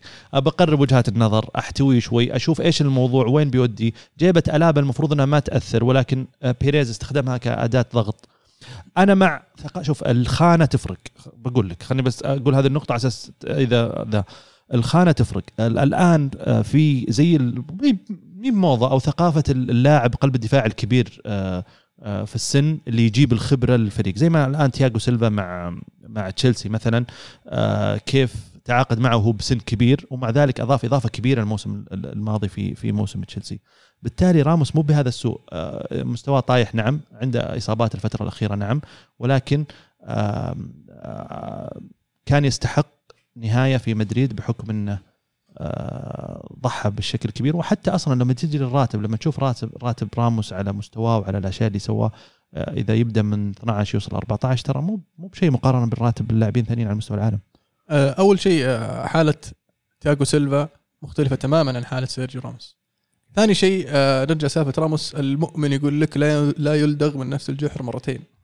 راموس الخسيس سواها قبل كم سنة لما ضغط على الاداره وقال لهم بروح مانشستر يونايتد ثم رضخوا واعطوه الراتب اللي يبغى. إيه فالحين هو المفروض إنه عارف بما إنه مدريدي وعلى وأنت تحبه وجمهور مدريد يحبونه المفروض إنه يكون هو فاهم إن الإدارة ما تقدر تعطيه اللي يبي. المفروض إنه هو يقول أنا بأخصف نص راتبي عشان أستمر مع الفريق لكنه عبيط قال لا ارفعوا لي راتبي. ولا بطلع ولا ما قام يسوي الحركات لا هذه. لا ثم المشكلة الإدارة قال أوكي ما ما تبي امش الإشكالية ما كانت في الراتب الإشكالية كانت في المدة آه، بشكل أساسي. راموس في الأخير وافق على إنه يثبت راتبه أو أو الزيادة ما تصير بالشيء اللي هو يبغاه زيادة بتصير بأقل. ولكن كان طالب عقد سنتين. آه، بيريز قال له ما في إلا عقد سنة. وبعدين نهاية السنة نشوف. ممكن نجدد مع أفضلية أو مع خيار تمديد. فما كان في اتفاق. وه- وهذا شيء يعني آه، بيريز كان قاعد يتخذ الفترات اللي راحت يعني حتى مع مع كريستيانو في فترته والآن مع راموس. آه، ثقافة اللاعبين الصغار اللي أنا ببني عليها وأرجع والوضع المادي للنادي وعشان ما ينهار زي ما صار قاعد يصير مع برشلونة الآن وإيش مقبل عليه الفريق. كل هذه الأمور إحنا نجهلها فعليا يعني. لكن الموضوع صار ونتمنى لراموس كل التوفيق يعني باستثناء إذا لعب قدام ريال مدريد. قفلنا باريس. حلو. آه ها- طبعا أهم الانتقالات اللي هي أغلى صفقة صارت حتى الآن اللي هو جريليش راح مانشستر سيتي في صفقة يعني تعد آه، أغلى صفقة في تاريخ البريمير ليج وأعلى آه، صفقة للاعب إنجليزي أنفخ صفقة في تاريخ البريمير ليج أغرب صفقة في تاريخ البريمير ليج وش اسمها؟ أغرب أغرب أنا أقول؟ أنا أقول أنفخ يعني هم دائما ينفخون لعيبتهم 100 هذا. انفخوه لين يعني وصل 130 مليون إيه. كم وصل؟ 100 100 وكم. إي بس آه 20. ر- كان كان release clause تو توه مجدد آه. عقده آه بنهاية الموسم الماضي يعني الموسم ما قبل الماضي يوم كانوا بيهبطون ثم قعدوا في البريمير ليج جدد عقده آه وكان آه حاطين المبلغ 100 مليون وحتى بيب ذكرها انها كانت المفاوضات مع لما سألوه عن هاري كين قال مع جريليش كان فك عقد فكانت المفاوضات أسهل بس آه توتنهام آه مو مستعدين يتفاوضون. إذا إحنا مهتمين إذا مستعد هم يتفاوضون فإحنا جاهزين. آه جارديولا قال مهتمين بكين. إيه. آه ف آه 100 مليون فعلا كثيرة. كثيرة جدا. لكن لاعب فنان واتوقع إنه راح يضيف إلى السيتي الكثير. آه بحكم إنه أول شيء يلعب في أكثر من مركز وبحكم إن آه السيتي يفتقد إلى ديفيد سيلفا في خط الوسط آه في طريقة لعب بيب ووجود لاعب زي جريليش راح يخفف الحمل على آه دي بروين اللي بادي تكثر اصاباته في الفترة الماضية وراح يصير آه، شيء يعني جميل للمتابع ولمحبي السيتي وراح يكون شيء آه، متعب بالنسبة لباقي الأندية. بس آه، هل مشكلة السيتي آه، هجومية ولا في الخط الأمامي؟ آه نعم حاليا اي ما عندهم أول شيء striker زي الناس طلع اجويرو لا تقول لي آه، جابرييل ذا حقهم مهاجم آه، آه، تكلمنا أنا وياك المو قبل فترة إنه يعني في الغالب على الورق حاليا لو ما جا كين يمكن أكثر خطة likely نشوفها يمكن 4 6 0 وليش 6 0 لأن okay في واحد بيلعب مكان striker ما أدري هو جريليش ولا دي بروينا ولا غيره لكن okay. فعليا هو لاعب وسط. على الجانب الآخر بس على هذه يعني أنا أتوقع أي لاعب يروح للسيتي ولو كان فنان زي جريليش واحد عنده potential خرافي ال ال السلم التعليمي إنك تلعب بفريق يدربه جارديولا ترى شيء معقد جدا لأن جارديولا مو بس يبغاك تلعب تفت وتكون فنان في لعبك لا يبغاك تلعب بطريقة معينة بمدرسته بأفكاره بأسلوبه سواء من ضغط ولا من هجوم ولا من ال passing ولا احتفاظ بالكورة. فيعني أنا أعتقد والشاهد عليها مباراة ال Community Shield الأخيرة ضد ليستر آم، سيتي ناقصين لاعبين كثير مرة نص التشكيلة أول مرة أشوف أساميهم في حياتي. ومع كذا جريليش ما بدأ أساسي. ترى جريليش نزل من الدكة. صح كان مع منتخب إنجلترا في اليوروز لكن فعليا ما كان يلعب كل المباريات 90 دقيقة. فيعني كان في مجال إنه يقدر يلعبه بالذات إنه بطوله يعني ما ما ودي أقول انها بطولة بس بطولة ودية. يعني في الأخير في كاس في bragging rights تلعب عليها. فأنا أعتقد آه، هذا كمان بعد حطوه في بالكم حقين ال fantasy إن جريليش ما ما راح يصير أساسي من البداية. راح ياخذ وقت يدخل في التشكيلة ولما يدخل في التشكيلة راح ياخذ وقت إنه يتعلم كيف جارديولا يبغى يلعب وعاد يعتمد وش المركز اللي يلعب فيه سواء هو رقم ثمانية ولا على الطرف على اليسار آه لكن بياخذ وقت لين يقدر يثبت نفسه في التشكيلة حقت السيتي. أتفق معك تماما. أتفق معك تماما. لكن برضو آم، أنا شخصيا أتوقع هاري كين راح يتم في آه، آخر يوم في الانتقالات. آه، وطبعا أهم شيء بالنسبة لتوتنهام أنه آه، ما يلعب ضدهم في مباراة الافتتاحية. مباراة الافتتاحية توتنهام ضد السيتي آه، فأتأكد أن هاري كين ما راح يلعب ضد آه، توتنهام. راح يكون معهم إلين آخر جولة لين ما يقدر ليفي يصرف الفلوس حقته على الفريق كامل زي ما سوى مع سالفة جارث بيل إذا تذكر. متى متى يقفل سوق الانتقالات؟ نهاية شهر August. okay ففي كم من جولة بتلعب قبل ما إيه. يقفل. okay.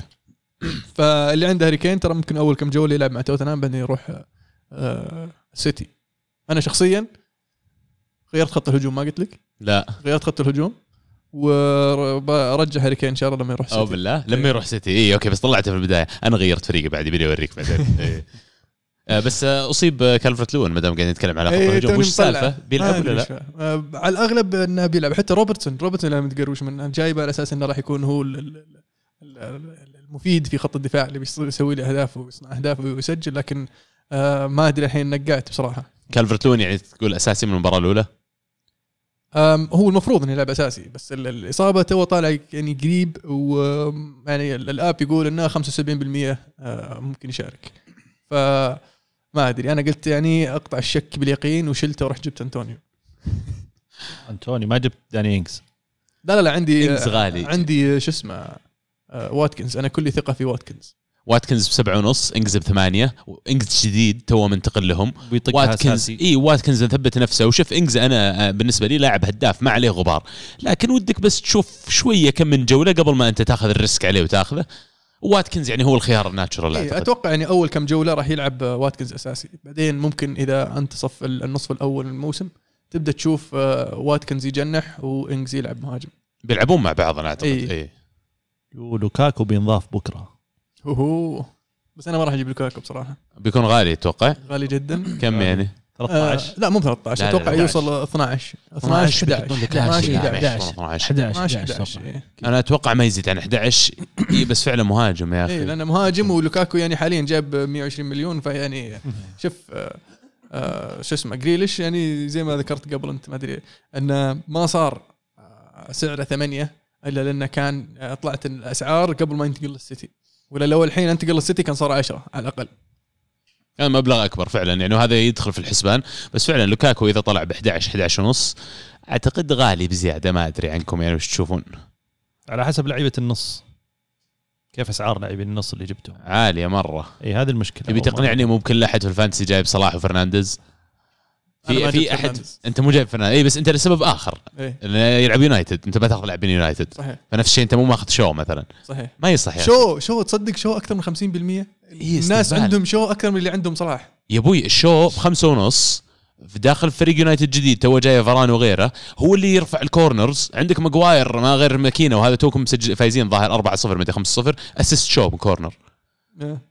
يعني وفرنانديز ترى فاول مسجل خرافي وفرنانديز ما لعب كثير في اليورو آه، لعب فترة بسيطة وما دام نتكلم عن يونايتد يمكن نناقش انتقالاتهم بعد شوي بس إنه يعني فرنانديز آه، ال- المستوى اللي طلع فيه في المباراة الودية الأخيرة خرافي. ويعني أنا بالنسبة لي ألمو أعيد حساباتك لو ما أنت ماخذ ولا واحد من يونايتد لازم تاخذ فرنانديز. شوف. قد فزت بالدوري وغير ولا لاعب مانشستر يونايتد. إيش كانوا مسوين فأقدر يونايتد. الموسم؟ من غير يعني كان كنا- كانوا كنا- ماخذين المركز الثاني مع مورينيو يعني. كان لوكاكو مهدف وزلتان وبوجبا والعيال موجودين يعني. بس أقول لك يعني. كفو. شباب استمتع حطينا- اليونايتد. شكرا إنك تعطينا advantage يعني. حطينا الكود في تويتر وأرسلناه في تليجرام. آه، ادخلوا معنا في ال DPL عشان تشوفون كيف ألمو بيجيب العيد السنة هذه بدون لعيبة في يونايتد. ويلا فالكم الأول. بس أنا فزت بالدوري للتوضيح يعني. دوري؟ الدوري الدوري اللي بيننا مو بالدوري أي دوري. ما أنا ما أذكر. ذاك قوي مرة تستهبل. أنت كنت مشارك فيه يا عبد الله أنت؟ الدوري اللي بيننا. اللي يقول إنه هو فاز فيه. أنا ما أتذكر ولا أنا. ما أتذكر. عبد الرحمن تذكر نشوف ورنا السنة هذه ورنا السنة هذه السنة. يعني. السنة هذه أنا ناويكم إن شاء الله. والله ناوي- يستر. زي السنة الماضية ناوينا. لا لا السنة الماضية كانت يعني شيء مختلف. أم، طيب حكينا عن انتقالات يونايتد. مش عندكم صيف يعني يمكن مو بزي مرة من ناحية عدد الانتقالات لكن جبتوا لاعبين يعني ضربات قوية جدا. الأحلى شيء صار إن اليونايتد خلص صفقاته بدري على غير العادة. أنتم خلصتوا؟ لا أهم شيء صفقتين. هذا لسه باقي فيه صفقة على الأقل تجي بس إن حاليا آه، اليونايتد يحتاج يبيع قبل ما يش- يشتري. بس إن أهم صفقتين يبغاهم اللي هو قلب الدفاع واللي هو الجناح سانشو اللي قاعد يلاحقه سنتين. طبعا آه، قبل ثلاث سنين أنا كنت قايل لكم السنة الجاية اللي هو الصيف اللي راح بيجي سانشو والصيف هذا بيجي هالاند لكن صار في شفت في الخطة. آه، الصيف هذا جاء سانشو وإن شاء الله هالاند في الصيف القادم. ف جاد وأنت تتكلم عن هالاند؟ إيه إيه. تتوقع ينتهي في يونايتد؟ أبى أقول لك طيب خلينا خلينا نرجع خطوة ورا شوي. الحين هالاند شفت؟ مع دورتموند بيطلع الصيف الجاي. صح؟ انت هالاند الحين. شفت؟ جو صفوا لك الأندية خلي كبار الأندية. يعني ريال مدريد يبغون مبابي وفي حالة يرثى لها يعني فصعب تجيب مبابي و هالاند. والسيتي يعني لسه عفوا برشلونة لسه في حاله اسوء والسيتي بيشترون هاري كين وتشيلسي توهم شارين آه، شو اسمه ذا؟ لوكاكو. لوكاكو. فوين بروح؟ بقى الحين خيار تو طلع قبل ثلاث ساعات الخبر. يقولون بايرن مهتمين بشكل كبير بهالاند. توني بقول. يعني عشان تكون في الصورة بس آه، الصحافة طبعا طلعوا هذا الموضوع من تصريح اللي هو ح- صالح حميديتش. صالح حميديتش. إيش قال؟ آه، سألوه هل أنتم مهتمين بهالاند؟ قال أكيد يعني كل الأندية في في أوروبا وكبار الأندية مهتمين بهالاند. وحنا أحد الأندية المهتمة. ومبلغه بيكون نقطة. زهيد 60 مليون. اي لأن بايرن ميونخ ترى ما. يدفع. آه ما يدفع. آه 60 مليون. إيه. على واحد يسواله فعليا السنة هذه أنا أكاد أجزم إن أندية قدموا لهالاند على 100 و140 مليون عروض. تشيلسي. وش اللي إيه خلاه يعني. يحول آه، لوكاكو؟ لوكاكو كان plan B. حاولوا مع هالاند. لو انك مكان دورتموند يا أخي وأنت تعرف الصيف الجاي بيطلع ب 60 وجاك 120 ولا 140 الصيف هذا ما تبيع. بس توهم بايعين سانشو ب 70 مليون. طيب okay. حتى لو. فيبغون يصير عندهم فرصة إنهم ينافسون. ما تب- ما دورتموند صح إنه نادي يبيع بس إنه ما يبيع أكثر من نجم في في صيف واحد. فمن انه ما تبايع قد سووها اي ما قد سووهم فما أتوقع إنهم بيسوونها يعني. بس حرام بيخسرون لهم ترى 60 80 مليون كانت طيبة يعني كان ممكن يروح يشتري فيها ما أدري وش يشتري بس إنه 140 مبلغ ترى فلكي. صحيح وفي الأوقات هذه بعد؟ وتوهم جايبين لاعب الهولندي اللي لاعب آه، مالن صحيح. مالن. كان- ترى كان في أكاديمية أرسنال. آه لعيب فنان. مو بس أكاديمية في الفئات السنية أنا اتذكره كلاعب مع النادي كم مباراة وحرام إنه هو وغيره من اللاعبين شو اسمه الألماني بعد اللي راح بايرن اللي في جنابري. حرف الجي جنابري. جنابري. وكذا واحد ترى طلعوا من الفريق والآن قاعدين يلعبون أساسيين في انديه مرة كبيرة حرام يعني ما ادري قاعدين نبربس إحنا. دورتموند رهيبين. اختيار لعيبة كذا عرفت باع لاعب على طول تلقاه يجيب ب- بديلة. إيه، مجهزين هم عارفين مين البديل اللي يبغونه. بالضبط. ولا وبدع سبحان الله يعني في, ال- في اليورو كنت أشوف قلت وش ذا الفنان ذا السريع؟ إيه لا لا ترى مقدم موسم خرافي الموسم اللي راح مع PSV إي أنا ما ما آه، تابعت كان الصراحة. كان مقدم موسم وقبل ما ينتهي الموسم والكلام قاعد يطلع عنه انه فيه أندية مهتمة فيه آه ليفربول أنربط اسمه فيه آه أرسنال أنربط اسمه فيه آه شو اسمه ف- خطف صغير أتوقع 22 23 إيه سنة تو صغير فيعني يعني فالمستقبل قدامه. سنتين وبعدين يطق له عقد ب 60 مليون اذا إذا بدع. يرجع أرسنال. أرسنال يقولون آه، بن وايت ب 55 مليون pound. إيه، وين شو طلعت الفلوس؟ فجأة ما عندنا وش. ذا الدراهم؟ هو الحين بيجيبون يقول لك آه، شو اسمه ذا؟ ماديسون. فالشيء الإيجابي في الموضوع إن آه، ويلوك راح لنيوكاسل طبعا اللي اللي اللي, يبغى لاعب وسط كويس يجيب أهداف يعني انصح بويلوك آخ- آخر ست جولات الموسم الماضي كان في إعارة في نيوكاسل آخر ست جولات سجل ست أهداف. كل مباراة كان. يسجل هدف إيه. فعلا. آه فهذا أعطاهم فلوس زيادة أساس يرفعون العرض اللي كانوا مقدمينه لليستر فالكلام يقول إن أرسنال كان مقدم عرض ليستر رفضه قاموا أضافوا آه إلى العرض ويلوك وليستر رفضه فالحين باعوا ويلوك ب 20 فممكن عندهم مبالغ زيادة يضيفونها ل آه، عشان ياخذون ماديسون. الشيء الجميل في هذه السالفة كلها إنه يقول لك ليستر يبغى لينجرد كبديل لماديسون. فبكل التوفيق أتمنى أشوف آه، ماديسون في في أرسنال آه، عشان يجي أحد يشيل لينجرد عشان نبدأ نشتري حنا. لأن باقي لنا لاعب وسط مانشستر يونايتد يبغى لاعب وسط والكلام إنه كامافينجا. آه، لأن رايس سعره غالي سعره مرتفع جدا ولاعب يبدو لي أقتنع أنه راح يستمر هذا الموسم مع آه، ويست هام وممكن آه، ينتظر إلى الصيف القادم آه، يشوف له فريق ثاني. آه، ف كامافينجا خيار ممتاز. خيار ممتاز بس خلني يعني السؤال لو أنت ماديسون يمكن عبد الله إذا إذا يجاوب عليه تروح أرسنال ولا تقعد في ليستر؟ معي سكينة ترى أنا داري عشان كذا لا، حاولت أسأل السؤال بشكل لطيف تناقشنا في الموضوع هذا أنا وعبد الله كان يقول يعني آه، عبد الله يقول لو إني منه كان أقعد مع ليستر وش وديني أرسنال هذا- هذا سؤالي. كان أنا لعبد أختلف الله. معك ليه؟ إيه، لأن آه لما تلعب مع أرسنال فريق بحجم أرسنال يصير عندك خاصة لما تبدأ مع فريق زي أرسنال آه عندك آه فرصة أكبر إنك تلعب مع المنتخب ف إذا راح مع أرسنال وأبدع وقدم مستويات رائعة ففرصته أكبر فعلا إنه يشارك مع المنتخب الإنجليزي. آه ف شيء إيجابي بالنسبة له لأنه قاعد مع ليستر وحقق معهم اللي حققه فاز آه، آه، بالكأس. ما لحق على الدوري طبعا. بس اللي بيخسره ممكن إنه ما راح يلعب في ال Champions League هذه السنة في ال Europa League عفوا هذه السنة. لكن عنده الفرصة إنه يلعب مع أرسنال ويحاول يوصلهم إلى ال Champions League.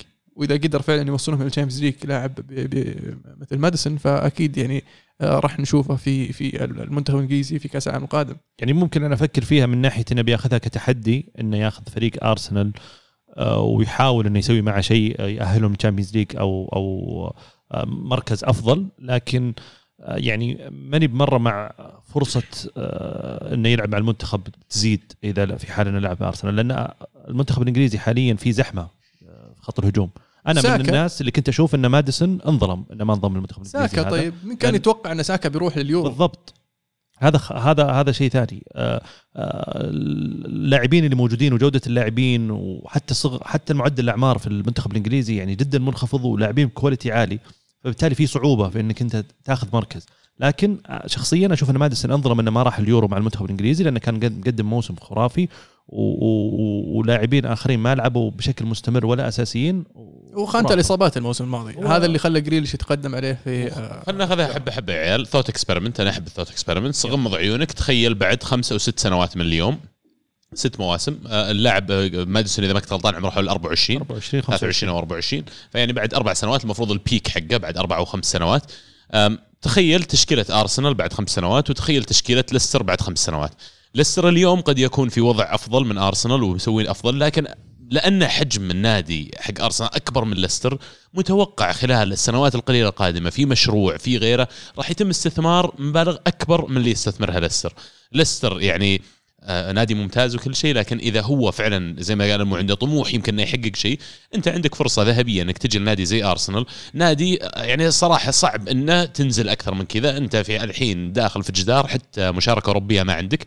ف the only way is up أنا أجي أخذ الرقم 10 جاهز بالنسبة لي للمركز أم، وأصير أنا قاعد ألعب في نادي جماهيريته عالمية. حتى لو إنه مو على الموضوع sporting achievement بس brand حقك يا ماديسون راح ينمو بمجرد خروجك من ليستر إلى ذهابك لارسنال فأنا أعتقد بعد ما سالفتنا ذيك الالمو اللي تكلمت عنها قبل شوي بعد ما سولفنا يعني فعلا أعتقد إنه منطقي إنه يروح لكن أرسنال ما صرف ترى مبالغ كبيرة. أرسنال صرف 55 على وايت ولا total مع لوكونجا وغيره حول ال 70 80 مليون. ترى حتى ويست هام وأستون فيلا وغيره ترى صارفين حتى لو ما يطلع منهم أحد قادرين يصرفون المبالغ هذه.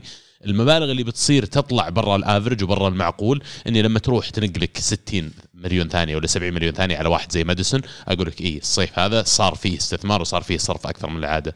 ولو تلاحظ ترى أرتيتا قاعد يحاول يبني فريق فيه كذا English core. جاب وايت وحاليا عنده آه، رو وساكا يبغى يجيب فوقهم آه، ماديسون وفي كلام عن اهتمامه بتامي أبراهام ورامزديل في خط الحارس طبعا وأبراهام كمهاجم. فواضح أن أرتيتا عنده خطة عنده فكرة آه، عنده مشروع يبغى يبنيه. وإذا عندك خطة وهدف تقدر تقنع لاعب مثل ماديسون انه خيار الصحيح أنك تروح الأرسنال. أم والله شوف أنا معك 100% من ناحية إن صفقة واقعية وأرسنال محتاج رقم 10 من الآخر سواء هو ولا أوديجارد ولا أي أحد ثاني محتاجين رقم 10 لأن راو بالحالة غير قادر إنه يحمل هذا ال- ال- الثقل خلينا نقول. آه بس في آه حملة تجديد والمشروع الجديد هذا تكلم عنه أرتيتا إن هذا غير مسبوق في تاريخ النادي إن تجديد بالطريقة هذه. المشكلة اللي يواجهونها ترى من بعيدة من المشكلة اللي واجهها برشلونة من ناحية إنه في ست أو سبع لاعبين نعرف فروفاكت ما راح يشاركون المفروض مع الفريق خلال المواسم القادمة لكن النادي قاعد يواجه شوية صعوبة في إخراجهم من الفريق.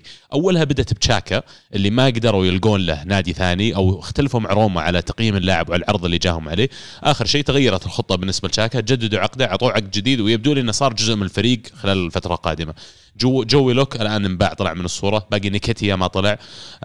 أم، بلرين آه، في بيرين فعلا من ضمن الأسماء اللي يبون يطلعونها سياد كولاسيناتش في الدفاع آه، اللي اعاروه المارسي شو اسمه سليبا سليبا انباع خلاص. لا لا راح اعاره راعي عاره صح. إي وحتى اللي الثاني. شعر كندوزي. كندوزي. برضه راح قندوز اعاره اعاره بعد هذا برضه. ما ما قدروا يبيعونه. إيه، لكن فعندك- كيتيا يقول لك آه، برايتن مهتمين فيه يقولون بس. نبي فيه يقولون 20 25 مليون. أنا أحس كثير 20 مليون باوند على نكيتيا يعني. هو كثير أتوقع لأنه إنجليزي عرفت؟ إيه وانجليزي وشاب وأتوقع يشترون ب 20 فهو فعليا نفس مشكلة برشلونة الآن إنه على أساس نشتري كان المفروض نبيع. ومن ضمنهم حتى لاجازي على فكرة كانوا يبغون يمشونه لكن ما في الكورة اليوم معقد سالفة العروض وبيع اللاعبين الأندية طاحوا في سالفة إعارة إعارة إعارة إعارة سنة إعارة سنتين فما عاد في أحد يبي يشتري كل يبي ياخذ إعارة مع حقية شراء وغيره.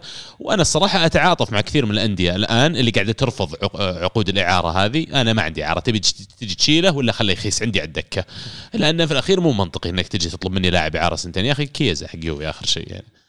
ونفس الشيء اللي صار الحين مع دالو ترى. ميلان آه، يبغون ياخذون إعارة مرة ثانية اليونايتد يبغى يبيع. آه، اليونايتد يبغى يبيع طبعا عشان يجيب آه، شو اسمه ذا؟ إيه. آه، لكن ميلان قالوا نبغى إعارة. إعارة مع option إن إن نشتري خيار إن نشتري؟ اليونايتد عارف إن ال- ال- الطليان دول نصابين وحركاتهم ذي أما نشتري ثم يجيك الصيف والله ما عجبنا اللاعب صراحة هونا ما نبي نشتري مع إنه يقولون إن اليونايتد يعني consider إنهم يخلونه لأنه مبدع إيه. في ال- فحاليا على الأغلب إنه بيقعد لأن إذا ما في أحد يشتريه آه، فما راح أشتري تريبيه أنا بشتري تريبيه وبنقع بتريبيه ودالو وبيساكا غير منطقي فعط تريبيه سنة خليه ينافس آه، على طاري الإعارات آه، تشيلسي من بداية الموسم التحضيري في يمكن فوق ال 40 لاعب قاعد يتمرن. تدري من شفت قاعد يتمرن معهم الحين ولاعب مباراة اللي كانت ضد توتنهام الأخيرة؟ مين؟ باكيوكو. باكيوكو لسه معهم. نعم الحين ميلان يقول يبغونه. ياخذون اعاره باكيوكو يعني آخر مرة شفته ظهر قبل ثلاث مواسم معهم و still الرجال إعارات شغال. إي راح ميلان ثم راح نابولي والحين ميلان. بيرجع ميلان. عجيب آه، نظام آه، شو اسمهم ذولي؟ تشيلسي؟ أيوة، في الإعارات. ماخذينها أسهم يا أبوي الأندية اللاعبين ذول الصغار. ماخذينها استثمار يجي يطق له 30 لاعب. من ال 30 لاعب عنده زي distribution ولا توزيع يقول لك لما أنا أحط ال matrix حقتي ولا طريقة استقطابي لها 30 لاعب اللاعب ال average بيكلفني مليون مدري مليون ونص تدريب وانتقال ومدري إيش و on average بيصير سعره ب 8 مليون. فهو فعليا ربحه 30 في واحد ونص هذه 45 مليون ال cost هذا. نقص منها ال expected value 8 240 مليون. فتتكلم عن 200 مليون قاعدين يدخلون من ال operation هذا بس. هذا خارج كرة القدم ترى. هذا خارج نادي تشيلسي ك كفريق اللي قاعد يلعب وينافس وكذا. هذا عنده كأنه farming operation farming operation بالضبط. بس يعني ناجحة وقاعدين يدخلون فلوس وقاعدين يصرفون من من من هذه الفلوس. والكلام هل هي أخلاقية؟ هو دائما هذا النقاش عليه. هل هو أخلاقي إنك تجي أنت عندك 25 لاعب المفروض تشكيلتك لكن أنت عندك غير ال 25 عندك 30 لاعب مدخلهم ال operation هذا لهدف مادي بحت مو بلهدف إنك تدخلهم الفريق الأول يعني. أنا قد قريت article على على هذا الموضوع إنهم يقولون إنه تشيلسي أو إدارة تشيلسي ذي abuse اللاعبين هذول بأنهم يجيبونهم صغار ويجبره على إعارة معينة يمكن لاعب يكون ما يبغاها ويرفض بيعه وبالتالي اللاعب نفسه تلقاه كل موسم في فريق هو في الأخير لاعب محترف و... ما حد طق على يده ما يروح حد طق. على. يده يوم يروح تشيلسي بس آه، آه، الكلام كان إنه كيف كيف إن أنت قاعد تعامل هذول اللاعبين وكيف في بعضهم ترفض وفي بعضهم يقعد له موسم كامل حتى ما يلعب ولا يطق كورة. وكمان لو بتدخلنا في ال technical details هو فعليا ترى قوانين الاتحاد الأوروبي ممنوع توقع مع أي لاعب إذا كان مكان إقامته أبعد من النادي ما أعتقد 50 كيلو أو شيء. طبعا هم قاعدين يس- يزلقون على اللاعبين من إيطاليا وإسبانيا وما أدري وين كل مكان في أوروبا يجيبون البرازيل حتى. South America ما يقدرون الظاهر. South America إذا ما عنده جنسية أوروبية ما يقدر يجيبها من البرازيل. حسب حسب علمي مرة ثانية يعني. شلون يعني؟ آه، اللي ما عنده جواز. اللاعبين اي اللي ما عنده جواز أوروبي معاملته غير. ما عنده جواز أوروبي ما يقدر تسجله إلا إذا عدى عمره 18 سنة. إيه، اللاعبين الأوروبيين يوقعون معي يخلونه هناك ثم اللي جاء عمره 18 يجي هنا ثم إيه يودونه ما اعاره برا عنها. لكن في هذه اللي أقول لك عنها وش يسوون؟ طيب. يرتبون للأبو أبو اللاعب يرتبون له وظيفة ولا يرتبون لأمه ولا أحد من اللي يهتمون فيه عشان ينقلون الأبو هذا لمكان حول الراديوس هذا حق ال 50 كيلو عشان يحق لهم يسجلون اللاعب. وهنا التلاعب هنا الإشكالية اللي تصير. يعني. فبس هذه نبذة بسيطة عن اللي يسوونه يعني. ومرة ثانية هو ضمن القانون فعليا. ما حد قال ممنوع تعطي وظيفة للأبو سكاوت ولا شيء.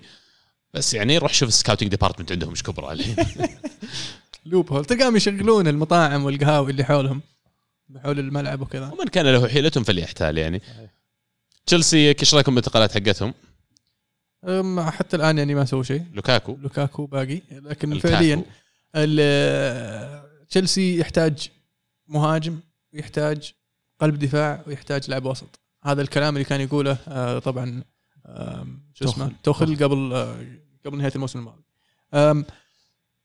كوندي مدافع آه، إشبيليا واهتمام تشيلسي كبير جدا فيه ويبغونه ناويينه. الحين بس بيخلصون مع لوكاكو بيلفون على كوندي. كانت الفكرة إنهم يعطون آه، آه، إشبيليا مبلغ زائد زوما لكن إشبيليا رفض زوما قال أبغى المبلغ. فأتوقع إنهم بس يخلصون الموضوع هذا بيلفون على آه، كوندي لكن لازم يمشون زوما. فكانوا الفكرة برضو إنهم يبيعون زوما لكن زوما رفض يروح ويست هام. آه، ففي معضله هنا مواجهين مواجهينها في سالفة زوما يستنون بيع زوما على أساس يخلصون سالفة آه، كوندي آه، تعطل صيفهم تشيلسي يعني اي بس آه، لوكاكو حاليا يعني المفروض إنها تعلن خلال اليومين القادمين وش رأيك طب لوكاكو جبته؟ يعني آه. ما في هالبلد إلا هالولد رجعتوا له وطقينا ب 100 مليون مسخرة الصراحة لا يعني. ال- العجيب إنه يعني كان عندهم وباعوه ب 27 مليون ايفرتون ثم يوم جاء إيفرتون يبيعه آه، آه، سحب عليهم وراح اليونايتد مع مورينيو اللي كان هو أصلا كارشه مع تشيلسي. ثم آه، راح الإنتر والحين رجعوا يلحقونه. فيعني آه، المشكلة انه يحب هو اللي يحتاجونه. يعني. هو اللاعب اللي يحتاجونه. هذه المشكلة. هو أحيانا جيرو؟ يعني جيرو أنا بالنسبة لي خيار أرخص وجيرو يلعب مع الناس اللي حوله، أنت عندك هافرتس، عندك فيرنر، عندك بوليسيتش، عندك ناس عندك حتى زياش. وبعدين أنا معناته أبغى لاعب أو مهاجم ال target man حقي هذا اللي فعلا زي ما تقول ان لوكاكو fits the bill لكن فعليا أنا عندي جيرو واحد يلعب ظهره للمرمى واحد يقدر يشرك غيره في اللعب ليش أروح أجيب لي واحد 100 مليون؟ آه، جيرو عمره 34 سنة. و تشيلسي يحتاجون يجددون في هذه الخانة لأن فيرنر ما ما مشى معهم بالطريقة اللي هم يبغونها. وصعب إنك تعطي جيرو كل شوي سنة. و- وتوخل ما يبغى يعتمد على جيرو كالمهاجم الأول. آه، شفناه في الموسم الماضي استفاد منه كثير لكن ما كان هو المهاجم الأول كان دائما يروح آه، لخيارات مثل آه، هافرتس أو تيمو فيرنر يلعبون قدام إذا ما لعبهم اثنينهم قدام. فاللي اللي يفرق عن جيرو لوكاكو إنه مهاجم يخلص الهجمة. هم عنده طبعا ستة ستة لاعبين يلعبون مع بعض قدام. لكن يبغى واحد لما تلعبون مع بعض خلصتوا لعب أعطوه لوكاكو يسجل.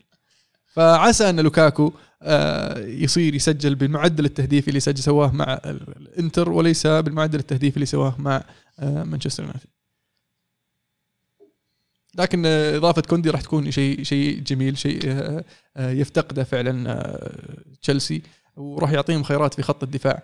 لأن شو اسمه؟ لا إله إلا الله. سيلفا. سيلفا آه، زي ما قلنا الحين عمره 37 سنة. آه، صعب إنك تعتمد عليه أسبوع كل أسبوع يلعب مباراة وأحيانا في أسابيع تلعب مباراتين.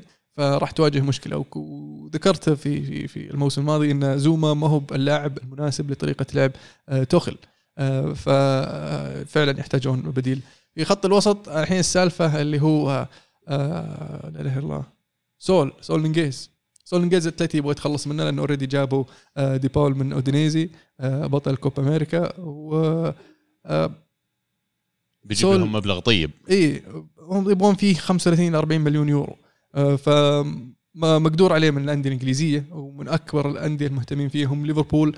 وليفربول يقول لك مهتمين بلاعب وسط طبعا يحتاجون بديل لفينالدوم اللي مشى.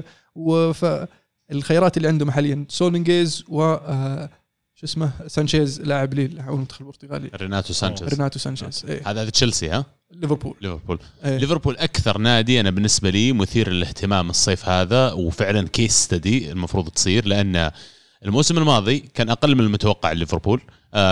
واجهتهم إصابات عنيفة جدا في خط الدفاع تحديدا لكن الموسم هذا والآن قاعدين نشوف من ال pre-season على الأقل. فان دايك قاعد يرجع للعب آخر مباراة لعب الظاهر حول 72 دقيقة. عندهم جو جوميز جاهز عندهم ماتيب موجود وجابوا قلب دفاع حق- كوناتي. كوناتي. كوناتي فصار عندهم أربعة قلوب دفاع صار عندهم الظهير يسار آه، ولو أصيب روبرتسون عندهم واحد يوناني اسمه تسيميكاس أو آه، أي أعاروه أو باعوه لا لا لا توهم جايبينه في جانوري الظاهر بدري الصيف اللي راح راح لا لا يا ابن الحلال موجود لا، لا، متأكد إنه. موجود متأكد إنه موجود وهو مو بس كذا لعب خلال الموسم الماضي الظاهر إيه. شيء محدود جدا آه، لكن في المباريات اللي لعب فيها أو في الوقت اللي لعب فيه آه، بالنسبة لي آه، قدم شيء كويس وكمان عودة اللاعبين لخط الوسط كمان ترى يعني فعليا اللاعب اللي جابوه من لايبسج اسمه آه، كوناتي لا لا مو كوناتي اللي جابوه من لايبسج وسط العام الماضي. آه كيتا نابي كيتا. كيتا نابي كيتا. لاعبين جابوهم ترى وكان متوقع منهم إضافة لكن فعليا ما سووا الإضافة المتوقعة خلال السنة الماضية. الآن صار لك سنة يا كيتا. آه، الموسم هذا أنت المفروض تؤدي وتدفع الفريق. فأنت لو مكان متخذين القرار في ليفربول هل تعتبر رجعة هذول اللاعبين وجاهزية الفرق آه، أو اللاعبين اللي موجودين عندك أساسا هي كأنها انتقالات جديدة ولا أنت لازم تجدد في الفريق ولازم تتعاقد مع تعاقدات إضافية؟ يعني خارج سول مثلا لو جبته هو لحاله ولا بديل لفينالدوم. لأن لأن في الدفاع جابوا كوناتي. هو المشكلة في في, في ليفربول وجهة نظري ان آه قلوب الدفاع الأساسيين عندك اللي هم فان دايك وجو جوميز توهم راجعين من إصابات طويلة كلهم أخذ خمس شهور أو أكثر ما لعبوا كورة. فعودتهم آه لل- للعب وكيف مستواهم راح يكون هذا الشيء اللي اللي بيصير الأنظار عليه. كوناتي إضافة رائعة في خط الدفاع لكن برضو لاعب جديد في فريق جديد في دوري جديد فأتوقع ياخذ وقت على ما آه يدخل أجواء الفريق. ف آه، في خط الدفاع ما تقدر تسوي شيء أكثر أكثر من كذا لكن آه، يظل ننظر إلى آه، مستوى هذول اللاعبين خاصة اللي راجعين من الإصابة آه، كيف راح يكون في آه، في بداية الموسم. آه، لكن في خط الوسط اللي تحتاج فعلا آه، بديل لفينالدوم آه، مشكلة نابي كيتا نابي كيتا يعني صار له فترة مع مع ليفربول. مشكلته اصاباته هي اللي لعبت فيه. وإذا لعب آه، أول ما يرجع آه، يأخذ شويش كذا يلعب كم دقيقة كم دقيقة بعدين يرجع ينصاب مرة ثانية. فهذا اللي عط- عثر كثير إنه يلعب بشكل مستمر مع آه، ليفربول. آه، لكن تقدر تعتبره كخيار بديل لفينالدوم بس صعبة تعتمد عليه لأنه في السابق نكبك أكثر من مرة. فلازم تجيب لك واحد وسط في البديل. وأشوف في وجهة نظري خيار أفضل خيار ممكن يكون في السوق اللي هو آه، سول نيغيز لاعب آه، عمره 26 سنة عنده خبرة كافية وراح يضيف إضافة في خط الوسط لأن آه، حرك مو بعيد من طاقه. عالية. اي إيه، فعلا من ويحرث الملعب وممتاز في في خط الهجوم وممتاز في آه، لما لما يرجع ويغطي آه، فراح يعطيهم اضافه إضافة كبيرة جدا. عزيز مالك حس آه، في حد ليفربول ما عندك أي وجهة نظر؟ هجومهم الثلاثي ما غيروه رجعت جوتا الحين يعني موجود أربع عندهم صار قدام. يمكن أكثر شيء تكلمنا عنه في في السنوات الماضية إنه متى يجي وقت التجديد؟ الثلاثي الهجومي بالذات يمكن صلاح و وفيرمينيو وماني اللي كان كثير عليه الكلام اللي بيطلع. يمكن مع الظروف اللي صايرة والضائق المالي اللي عند الفرق الكبيرة تحديدا برشلونة ومدريد ما حد فيهم طلع. آه، يحتاجون تجديد وعود أو إضافة جوتا السنة الماضية كانت رائعة. شفناه سواء بداية الموسم أو آه، لما رجع من الإصابة كيف كان إضافته كبيرة. لكن الأهم الأهم آه، أرجع وأقول خط الدفاع اللي صار السنة الماضية من إصابات قد تتكرر السنة هذه في أحد اللاعبين. وتحتاج يكون عندك على الاقل على الأقل خمس خيارات في خط الدفاع. بالذات إنك تلعب يعني ب 4 4 2 أو 4 في الخط الخلفي. فما أدري ما أحس ماني مطمن على وضع على وضع آه، ليفربول. بالذات لما تحط بالك إنه ترى آه، فان دايك راجع من رباط صليبي. إصابة يعني صعبة. شفناها كثير آه، اللعيبة يرجعون ياخذون وقت لين يرجعون لمستوياتهم. بعض اللعيبة للأسف تجيهم إصابات إضافية.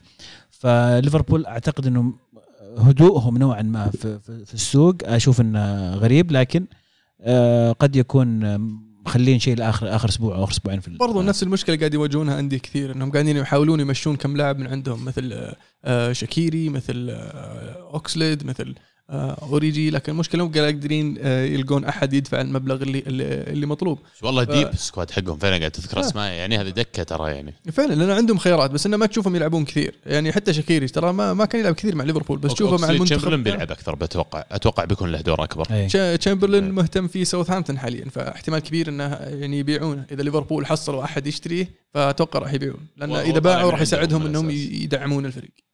يعني نرجع ال fantasy شوي بس.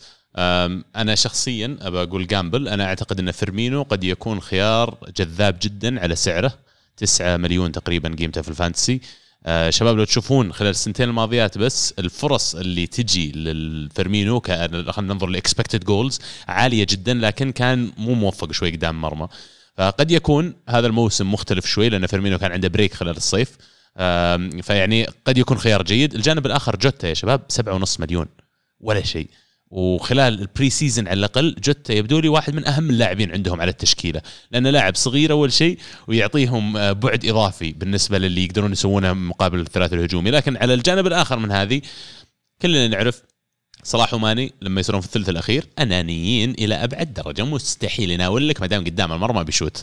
يعني آه، هذه أشياء تحطها في بالك. صلاح قيمته 12 ونص. ماني لو قيمته 11 11 ونص حطيته بدال صلاح. لكن فعليا صلاح ب 12 ونص يشوت بلنتيات ماني ب 12 ما يشوت بلنتيات. فيعني نص مليون هذا يسوى على بلنتيات يشوتها صلاح. فعلا أتفق معك. أنا كل مرة أقول أوه ليه ما أخذت ماني؟ أروح أشوف ماني سعر ماني. يقول أوه لا ما. عشان كذا ما شريت. أول أول كان أقل الفرق. لو ما لو ماني 11 مليون automatically أنا I will drop صلاح وباخذ ماني. لكن يعني تقول لي الفرق بينهم نص مليون؟ مو واقعي. ما تسوى بس طبعا هذا ممكن يصير ترى يبدأ الموسم ويصير جوتا وفيرمينو مثلا هم اللي قاعدين يسجلون assist وكذا وماني وصلاح يعني. يتفرجون. إيه. راح يسوي يعني. حلو. طيب توقعاتكم في ال Premier League؟ مولع. أنا جاهز توقعي. عطنا توقع توقعي يعتمد على هاري كين. إذا هاري كين راح السيتي أنا أرشح السيتي. يعني السيتي بيفوز. إذا كين ما راح السيتي أنا مع تشيلسي all the way تشيلسي ها؟ ولكن إيه أتوقع تشيلسي. لكن آه كأني أشوف موسم شبيه بموسم آه ما قبل الماضي يوم كان السيتي ليفربول حالهم في القمة بعدين مانشستر يونايتد أول الثلا أول الباقيين. فكأني أشوف تشيلسي وسيتي يتصارعون وبعدين مانشستر يونايتد أول الباقيين. أتفق معك بهذه النقطة تماما. آه لأن على الورق قبل ما السيتي يوقع مع جريليش وهاري كين وقبل ما حتى تشيلسي يوقع مع لوكاكو آه تشيلسي بيفوز بالدوري. آه التوقيع مع لوكاكو راح آه، طبعا يعطي آه دفعة لتشيلسي آه لكن إذا هاري كين وقع مع لما خلينا نقول هاري كين يوقع مع آه السيتي ف آه، السيتي راح يحسم الدوري. وراح يحسمه متأخر جدا أتفق معك راح يصير آه، راح يصيرون يعني متلاحقين إلين آخر آخر الجولات. fist bump أنا أختلف معكم. أنا أعتقد إن مشكلة آه، السيتي مو مو في الخط الهجومي أو خلينا نقول في الثلث الأمامي. آه، حتى مع غياب أو أو خروج اجويرو هبوط مستوى أو أو مستوى المستوى العادي ل- ل- لجيسوس آه، في عندهم خيارات دائما وحلول وتلقى الفريق يفوز بثلاثة أربعة وحتى آه، يعني هذول الاثنين ما كانوا موجودين. آه، شخصيا أشوف إنه التنظيم في الخط الخلفي جودة العناصر نوعا ما اللي موجودة باستثناء دياز آه ولا تضمن حتى ستونز. ستونز بدع الموسم الماضي آه الموسم اللي قبلها كلها كان آه يعني آه، جيد حليل. فما تضمن إن الموسم الجاي, يكون موجود. آكي آه آه كان لاعب مو آه لابو كانسيلو ووكر ترى تشكيلتهم مجنونه بس بداية. اول مشكله مو في العناصر مرة على قد ما التنظيم. الناس صارت تعرف آه تعرف كيف تضرب السيتي. آه يعني تعرف كيف توصل. يعني ليستر في المباراة الأخيرة مي مقياس؟ آه لكن هي امتداد للمباريات آه الموسم الماضي للسيتي. الفرق صارت توصل يعني بسهولة لمرمى السيتي صارت تعرف كيف تسجل فيها صارت تعرف كيف بس إذا تسمح لي بس آه، السيتي عانى بداية الموسم من من آه، المشاكل الدفاعية. لكن لما وقع مع دياز شفنا الفرق كبير كيف صار. لكن الأشياء اللي كان يعاني منها سيتي ما كانت ضد الفرق الصغيرة كان لما يلعب ضد الفرق الكبيره لما يلعب ضد مانشستر يونايتد لما يلعب ضد تشيلسي لما يلعب ضد آه ليفربول. كان هذه المشاكل وين يلاقيها؟ مو بأنه آه يستقبل أهداف كثير أنه ما يقدر يخلص الهجمة قدام لأنه ما عنده اجويرو في المباريات الكبيرة كان اجويرو اللي يحسم له المباريات. صح. الحين لما يجيب هاري كين فخلاص يعني. فعلا هذا هذا ال role المشكلة. اللي بيلعبه كين. ووجود كين بيخلي سيتي فريق الصراحه يعني لا يقهر في الدوري. أنا أختلف معك عزيز على تشيلسي. أنا أعتقد سيتي فعلا هو المرشح الأول في حال يعني كين جاء حتى لو إنه ما جاء من البداية. أنا قلت تشيلسي أنا قلت تشيلسي إذا ما جا كين. اي أنا فاهم عليك. قصدي في الجانب الأول من ال statement حقك أتفق معاك إنه لو كين راح للسيتي ما فيها كلام nailed on إن السيتي بيفوزون بالدوري الإنجليزي. لكن لو ما صار هذا الشيء أنا ما أشوف حتى تشيلسي هو ثاني الدوري الإنجليزي. مع لوكاكو. okay عند آه، نقطة صح فعلا مع لوكاكو بس اللي اللي, بقول لك إياه إن تشيلسي ترى نجح الموسم الماضي نجاحها الكبير كان في ال Champions. ومرة ثانية ال Champions عبارة عن 12 مباراة يا شباب. الدوري أكثر من ثلاث أضعاف 38 مباراة. فيعني أنا أعتقد في فرق ثانية مجهزة بشكل أكبر إنها تنافس ومن ضمنها ليفربول اللي بيرجعون للنجوم الحين. يونايتد اللي قاعد يسوي انتقالات قوية في سوق ال- ال- الصيفي هذا. فيعني أنا أشوف إن الفرق ما بين ال- الأول والثاني والثالث والرابع راح يصغر. يمكن تشوف الفرق يصير بين الرابع والخامس اللي يصير فلكي. أعتقد إن ال top four إلى شكل بشكل كبير حيحسم. آه سبيرز ما أشوفهم راح يكونون threat ليستر ما أعتقد راح يكونون threat وأرسنال الشغل قدامهم طويل فهذا يترك في المقدمة ناديين مانشستر ليفربول وبعدين تشيلسي. يعني هذا هذا أنا تشخيصي شخصيا. ومشاركه ال- ال- ال Europa League لويست هام وليستر راح تأثر عليهم كثير في المنافسة على ال- ال top four خلينا نقول. آه، فأتفق معك إنه راح يكون في gap أو فجوة بين الرابع والخامس. آه، راح تصير في منافسة مختلفة آه، في آه، تحت ال top four وراح يكون موسم بشكل عام يعني آه، جميل إن شاء الله. مثير. مثير فعلا. إيه. فعلا. حلو. آه آه أستون فيلا بس قبل ما نقفل الدوري الانجليزي أستون فيلا كانوا يسوون شغل يا عيال. خرافي. خرافي. قووا ولا ضعفوا تشوف؟ قووا كثير. قووا ها؟ قووا كثير. يا ترى بس- خسروا خسروا جريليش طيب بس جريليش شوي. إيه بس جريليش نص الفريق. وش, وش سووا جريليش راحوا جابوا بونديا. هذا بديل مباشر. لعيب. راحوا جابوا آه ليون بيلي. هذا آه جناح يلعب يمين يلعب يسار يلعب قدام ما عنده مشكلة. صح؟ إيه. وراحوا جابوا انجز مهاجم بديل ل آه آه واتكنز. أو حتى partner اي ممكن. وراحوا دعموا دعموا الدفاع بتونزيبي كخيار في في في خط الدفاع. خاصة أن آه، شفنا كيف تأثر الدفاع لما أنصاب كونسا الموسم الماضي آه، بالنسبة ل أستون فيلا. وغير ذلك يعني صار عنده آه، squad متكامل. آه، عنده عنا- خيارات متعددة في مراكز متعددة. والزاحفين كانوا يبغون يجيبون آه، براوس. وفعلا لو جابوا براوس يعني خطر يعني يداقشون على ال top four إيه، تستهبل. بس يعني أنا يعني مشكلتي بس إن جريليش لاعب لا يعوض. فحتى ب- بونديا صح فعلا يعني بديل للمركز لكن جريليش الإضافة اللي يعطيك إياها أنا بالنسبة لي لا تعوض وعشان كذا لاعب يسوى 100 مليون. هذا أول شيء. بونديا كان له نجاحات كبيرة قبل مع نورويتش سواء في ال Premier League قبل ما يهبطون ولا حتى في ال Championship كان واحد من أهم اللاعبين. خذ لاعب الموسم الظاهر في ال Championship هو. يعني قد يكون خيار ممتاز ورائع لكن السنة هذه حطوا في بالكم مو زي السنة الماضية. استون فيلا بيجي يلخم ليفربول فجأة فايز عليهم 7 2 مدري كم. أنا ما أعتقد إن الأندية راح تنزل ضد أستون فيلا بنفس ال mentality حق الموسم الماضي. السنة الماضية أستون فيلا جايينك ترى من ال blind spot. جايين ما أدري من وين جاي ذا الفريق الزاحف. كل اللاعبين عندهم أقوياء عندهم واحد له سنتين قاعد يلعب 90 دقيقة اللي هو جريليش مرة ثانية. يعني أعتقد بيتغير شوي وضع الفريق. بس راح يفاجئك أستون فيلا بنهاية الموسم. أتمنى. أنا أتوقع أستون فيلا يكون يعني من ال top 7 خلينا نقول top 7 يعني آه، خاصة إن ما عندهم لا لا Europa League ولا ولا هم يحزنون. يعني الأسطورة ديفيد مويس. ديفيد مويس بيكون لاهي في ال Europa League. أوكي. إيه. صدقني بينقعون شوي. وخاصة إذا راح عليهم لينجارد فيعني خطر إنهم يعني يطلعون من ال top 10 خطر جدا. حلو. روح الدوري الفرنسي. بدال اسبانيا اسبانيا خلاص منتهي. لا خلصنا اسبانيا أتلتيكو أتلتيكو مدريد فايز. أتلتيكو خلاص يعني. أتلتيكو فايز. توقعاتكم اللي بطل. اي. أنا عندي سؤال بالنسبة لأتلتيكو فايز يعني آه، أتلتيكو طبعا زي ما اتفقنا إنه فاز راح يفوز إن شاء الله صحيح. بال- في احد في الموسم القادم. آه، يعني مو بإن يختلف؟ شاء الله بس أتوقع راح يفوز السؤال. السؤال هنا السؤال هنا هل حان الوقت لإشبيليا أن يتخطى حاجز المركز الرابع نعم. يصل إلى ال top 3 أو ممكن ال top 2 نعم أنا أقول مو بس إشبيليا آه عندك أتلتيك بلباو عندك آه آه شو اسمه سوسيداد. بس آه، هذول الأجهز نوعا ما واللي نافسوا على الأقل على top 6 إلى top 8 الموسم الماضية. لكن ليش أنا أقول لك كذا؟ الحافز وجد بعد خروج ميسي خلينا نقول بشكل أكبر وبنسبه أقل خروج راموس. الحالة اللي اللي عليها الفريقين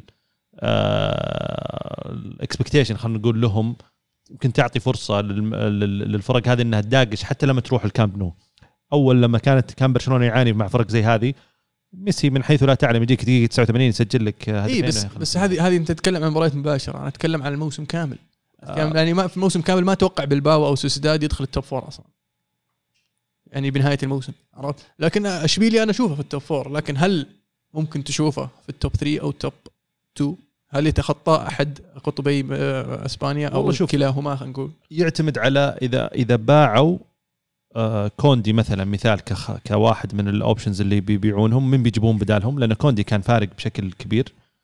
آه، الشيء الثاني يعني آه، ما أعرف لو بتيجي آه، الموسم هذا كيف آه، كيف هو عنده ال- التوقعات أو كيف كيف ال- ال- الناوي يدخله خصوصا إنه بعد عنده عنده مشاركة آه، أوروبية. ف لأن نعرف إنه هو كان ينافس إلى حد كبير حتى على على الدوري ولكن ال ال ال اليورو هو ال Europa League أثرت بس ما كان عندهم. Europa League هم. إلا. لا لا لا. إلا. لا لا, لا. آه مانشستر يونايتد وصل النهائي عشان إشبيليا مفي لا. في آه، إلا. طلعوا. ما كانوا في كانوا في ال Champions League هم طلعوا. وتأهلوا المجموعات. تاهلوا وراحوا للذا لا لا, لا، لا لا، تاهلوا من لم المجموعات كان مجموعه هذه. صح، صح، مجموعة. تشيلسي. الموسم اللي قبله مع إنتر المباراه اللي ضد إنتر كانت آه، أيوه النهائي. هذاك اشبيليا طلع مانشستر يونايتد في نص النهائي. اي أوكي Yes. أوكي الموسم اللي قبله أوكي. yes ف... والله أتمنى أنا الصراحه ودي يستاهلون. يعني آه، تخطون مرحلة ال Europa League ومرحلة ال- هذا الكاس آه، الدوري يعني ودي. هل تشوفهم طيب يعني في في ال top 3 ولا ال top 2 يعني ت- top 3 top 3 فوق مدريد ولا برشلونة؟ مدريد والله برشلونة ترى إضافاتهم ترى جيدة نوعا ما يعني إيه بس الحين ما ضبطت؟ سجلوا أحد وما ما ندري بيسجلون اي هذه هي. يعني ديباي جريزمان يعني حتى لو ورا شوي ذا قدام ترى في ناس تخلص يعني ديباي مبدع في الوديات أنا ما أحبه شخصيا لكنه مبدع اجويرو برضو حل جريزمان جالس ياخذ راحته. يعني في في حلول فرق إحنا عندنا. خروج ميسي قد يكون نعمة آه، بالنسبة لي- لبعض العناصر خلينا نقول. يعني ممكن نشوف جريزمان يبدأ لكن يهدف ويسوي على الفارق الطرف المقابل ما أدري وش, وش نقيض ما أدري وش ناظر من آه، فينيسيوس وبيل بس بس النجم الأول عندكم موجود ما ما راح ينام الفرونت 3 الخالع. بالحالة. شو بالحالة؟ هازارد. وبيل وبنزيما شو مين اللي بالحالة؟ الله يا هذا الله يعني. وفي صح الدكه والله يعني صح الدكه عندك في نقطة فينيسيوس. مهمة صدق إن بيل قاعد للحين ما بيل مشي قاعد انت شفت المباراه الأخيرة أمس مباراة ودية ضد ساكت. ميلان. ما حد ما حد. الرجال جالس يركض وقاعد يوطي الكورة ما أدري إيش قاعد يسوي يسوي أشياء غريبة. مو طبيعي والله. عاد تتحمل لأن هذا بيكون لاعب class لا ما عليك. أنشيلوتي راح يرجع كذا رجع معنوياته ونبدا تشوف جاريث بيل مختلف هذا الموسم. صحيح. إن شاء الله. غيروا رقمه ولا؟ إيه. إيه كم صار؟ صار؟ مي بعلامة كويسة 50 مدري 56 لا عطوه بس لأن عطوه اسنسيو 11 كم كم لابس الرقم شو؟ مين؟ كم وش الرقم اللي حاطه؟ 50 أمس 50 مباراه أمس لابس 50 إيه أقول لك شيء رقم غبي معطينا واضح ال balance على بيل لا تقول لي آه، بيرجعون آخر آخر آخر موسم موسم له. لا شيبي بعد وش يبي خلص بعد؟ الموسم يا يلعب جول. وش النظام ذا؟ وش التعامل؟ زمان لا لا من؟ زمان. ما ما اخذ اسنسيو من أول. اسنسيو طيب ما صدق. انتفوه يا حبيبي وعطوا اسنسيو الرقم على طول. طب حسوني انه لي خط رجع. لأن أنظمة الدوري الأسباني تمنع آه، آه، وضع أرقام فوق آه، 25 طب هذا 50 مو بصحيح. 50 مباراه ودية أمس. 25 أعطوه 25 لا، مو إلا. ليش ألابا ماخذ آه، أربعة؟ عشان رقم أربعة عشان هو كان الرقم الوحيد الفاضي. آه، رسميا كتسجيل. لأنه فنان. مستحيل 25 الفريق ما. يكون فريق مو 25 لاعب شلون فوق 25 اللي يسجل قائمة آه، أعتقد ر- أرقام لك حد إلى 25 أو 28 في حد بعمليه أرقام يعني عشان كذا ما تشوف الدوري الأسباني أرقام 35 99 لا. آه، 50 ما أدري بس أحس 25 مرة. آه، 25 28 طيب عموما. اذا إذا لعبت يعني واحد 50 من الاكاديميه مو خيار. إيش؟ إذا لعبت واحد من أحد المباريات من الأكاديمية مو من اللاعبين المسجلين عندك. لا انت في عندك قائمة أولية وفي قائمة يعني تقدر تستدعيهم زي بلانكو لما الم- ال- ال- الموسم اللي راح. جوتيريز كل هذه الأمور كل هذول اللاعبين ما كانت أرقامهم ترى فوق ال 30 كلها أرقامهم مسجلة وموجودة تحت. غريب. ما عليك عندي عندي الموضوع. في إيطاليا وش عندنا؟ عندنا فريق آه، فاز بالدوري السنة الماضية بعدين مدرب حقهم مشى بعدين باعوا يمكن أحسن جناح أيمن في الدوري. بعدين باعوا هدا هدافهم واللاعب اللي كان شايل الفريق وأفضل أحسن لاعب لاعب في الدوري. أفضل لاعب في الدوري. ويمكن يبيعون برضو المهاجم الثاني حقهم ومستعدين يبيعون أي لاعب. كوكسل. ما أدري إيش قاعد يسوون صراحة. شيء غريب اللي قاعد يسويه الإنتر صراحة وأتوقع إنه صعب جدا لجمهور الإنتر. تتوقع إنه بعد موسم ناجح تبني عليه بالذات إنه هو أول موسم لك تفوز فيه في الدوري من فترة طويلة. فالمفروض تبني على الفريق. لكن اللي قاعد يصير كأنهم خاص صفروا. للامانه أنا كنت كنت أقول أول ما طلع كونتي صارت الآن يمكن الترشيحات 50 50 بين اليوفي والإنتر لكن ما طلعت آه، لوكاكو وحكيمي. أنا أقدر أقول إن الترشيح أكبر لليوفي في- صراحة نهاية الموسم. غريب جدا اللي قاعد يسويه آه، سونينج في في اللي اللي صار إنه. عندهم هم ضائقه ماديا لأنه صار فترة قاعدين يصرفون. ترى دفعوا على لوكاكو ودفعوا آه، دفعوا على آه، شو اسمه حكيمي وعطوا ترى كونتي راتب وقدره 12 مليون 12. في السنة ولا شيء زي كذا. فيعني آه، حطوا على نفسهم آه، يعني آه، خلينا نقول حمل كبير عشان يحققون هذا الهدف. ويوم انهم وصلوا يحققوا هذا الهدف كانوا معلنين من قبل تقراها اذا تتابع إنه راح إنتر ميلان يضطر إنه يبيع ولما يجيه عرض مغري راح يبيع. وفعلا جاه عرض الحكيمي باعه لكن ما حد كان يتوقع ان لوكاكو راح يطلع إلا لما جاهم العرض اللي ما قدروا يقولون لا لا. فما كانت في الخطة في الحسبان إنهم يبيعون لوكاكو بالنسبة لل- للإدارة. وهذا الشيء اللي قالوه طبعا اللي خلى كونتي يمشي. إنه قالوا له اسمع ترى ما راح نشتري راح نبيع وما راح نقدر نبني على الفريق. فقال كونتي أجل وش قاعدني؟ أنا بمشي. فمشى كونتي ثم باعوا حكيمي ثم الحين جاهم عرض على لوكاكو. وأتوقع إنه لسه ممكن نشوف لاعب إضافي يطلع. هم هم آه، على كلام آه، صحيح الكلام أتفق معك. مرات طلع الظاهر قال إنه بن- في بيع واحد كبير راح نسويه في الصيف. وأتوقع هو كان حكيمي. لكن زي ما قلت لما جاء عرض تشيلسي قال أوف يعني وش العرض اي 130 على إيه. لاعب عمره 28 29 وإذا حط فكرت بالك رفضوا ال 100 مليون في البداية. اي في البداية صار المفاوضات طولت يعني ما قعدت قويين عين اي هو وصلوها إلى 130 مدري كم الحين 120 لأنه ما كانوا ناويين يبيعون أصلا. صح. قالوا إذا إحنا ما نبي نبيع بس إذا بتعطيتنا 130 ب- بنبيع. بس بيني وبينك كذا من نظرة مالية إذا فكرت فيها أنا جايني في لوكاكو لاعب عمره 29 سنة آه، 130 مليون مستحيل تجي مرة ثانية وأنا عندي ضائقة مالية. وغير كذا الدوري الإيطالي أصلا على مستوى التنافس نوعا ما يعني خلينا نكون صريحين صاير شوي أقل. فأنا بخيار ثاني ممكن أنا أقدر اشتريه أو أو حتى أخلي لاوتارو مارتينيز أو أشتري أي خيار ثاني من الدوري الايطالي نفسه still بقدر أنافس. يعني اليوفي الواضح إنه ما في أي تدعيمات آه، ووضعه نوعا ما يرقل. ال- ال- الميلان نفس الشيء. آه، هذول الخيارين اللي اللي عليهم الكلام إنه ممكن ينافسون. روما وضعهم آه، منتهي حتى مع حتى مع مورينهو ف يعني أصلا يا موقع مورينيو وانت عرفت انه وضعه منتهي. المفروض يعني عمي منطرد آه، سعوديه مثل- منطرد ثلاثة لاعبين. بادي الشو بدري في. كابتن. آه شو اسمه باريلا بعد أحد الأسماء المطروحة انه ممكن يطلع. ومن أحد الأندية المهتم- المهتمة طبعا ليفربول. زي ما قلت لك ليفربول. يبحثون عن لاعب بوكس تو بوكس آه فإذا فعلا قدروا. يحصلون على باريلا رهيب. فت. لهم أحس بدل فينالدوم. رهيب.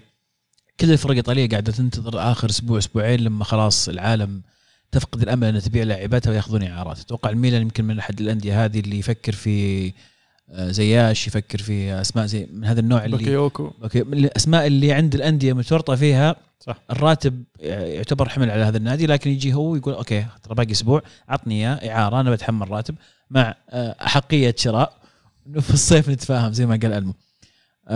يمكن مين أحد الأندية هذه يمكن اليوفي الآن قاعد يلعبون لعبة مع ساسولو لهم شهرين. على على لوكاتيلي. على لوكاتيلي. فنفس الفكرة متطقع على 5 مليون متهاوشين رايح جاي. بيانيتش أحد الأسماء المطروحة إنه يرجع لليوفي مع تخفيض في الراتب. برشلونة راح يكون سعيد جدا إنه يتخلص من راتب من راتب بيانيتش فعلا الكلام الأخير إنه بيروح إعارة. اي وأليجري يحب اللاعب ويشوفه هو ممكن يكون أساسي مع لوكاتيلي مو مو بديل للوكاتيلي. فيمكن الجميع كسبان من هذه الصفقة أليجري و- وبرشلونة. فالأغلب فرق إيطالية الآن واضح إنه ما عندهم ميزانية كبيرة يصرفونها. موضوع رونالدو يمكن من المواضيع اللي تكلموا فيها كثير الناس خلال فترة الصيف. آه رونالدو كان آه يمكن أحد الخيارات أو يمكن الخيار الوحيد المناسب له كان باريس سان جيرمان الفريق الوحيد يقدر يدفع راتبه. مع ذهاب ميسي أتوقع هذا الموضوع انتهى.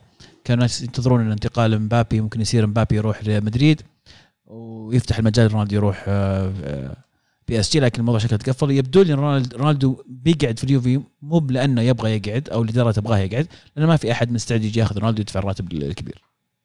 طب هل تشوف آه، إذا إذا تشيلسي آه، وقع مع لوكاكو والسيتي وقع مع هاري كين انه خيار مناسب لمانشستر يونايتد يجيب هاري كين يجيب آه، شو اسمه كريستيانو رونالدو؟ خيار مناسب جيب رونالدو بدون ما دخل. دائما خيار مناسب رونالدو. اي بس يعني آه آه إنك تجيب رونالدو الحين هذا يخالف الخطة والمشروع اللي إنت قاعد تبنيه. كمانشستر يونايتد قصدك؟ اي ما وقفت على رونالدو أحس ما أدري يعني ما أحس إنه هو اللي بيخرب. إيه. وإضافة لاعب زي كذا بال بالجودة حقته مع لاعبين أصلا already صغار ما راح تفرق كثير خصوصا إنه موجود كافاني مثلا وأنت ودك تتخلص من آه، مارسيال. ف أنا أتوقع إن جيبة كريستيانو بتخلي مانشستر يعني آه، يعني يطلع على السلم خلينا نقول درجتين ولا عتبتين يجيب لك 10 للمنافسة. نقاط زيادة. للمنافسة. لا منافسه ما يجيب لك 10 نقاط زيادة رونالدو؟ إلا. طيب. بس شوي بس عشان توصل. المنافسة. شوي عشر يعني ما, ودك يعني- تكبرها. لا أنا 10 أقصد نقاط زيادة. أنا أقصد إنه إحنا لما. نتكلم عن السيتي وبعدين نقول لك خيار ثاني ممكن تشيلسي أقرب خلاص إحنا يمكن حصرنا بين هذول الاسمين مبدئيا بس جية كريستيانو اليونايتد مع سانشو وفاران. وأنا سمعت إنه روبن نيفز برضو واحد من ال options وخيارات الوسط الخيارات الوسط اللي هي روبن نيفز آه آه، ساؤول نيغيز كامافينجا وديكلان رايس. يعني آه، أتوقع إن الفريق كذا تمام بس باقي تريبير صح بيساكا نسيته إي بس هذا حق الدلع تريبير إذا إذا ما طلع دلو فما أتوقع بيجي تريبير آه okay. دلو ممكن كخيار ثاني لأن فاران مع بيساكا ماش ما ما أحسهم بي ليش؟ يعني ما أدري. فاران ترى ترى فاران ما عنده ال... لازم تعرف. أعطيك آه، اي علمني فاران أعلمك. طيب okay. فاران جيد بالراس كرات هوائية ممتاز. هذا شيء يحتاجه مانشستر يونايتد. شيء كويس. سرعه ممتاز هذا شيء. يحتاجه لأن هاري كين واحد واحد سريع آه، ما ما يمديك تسبقه.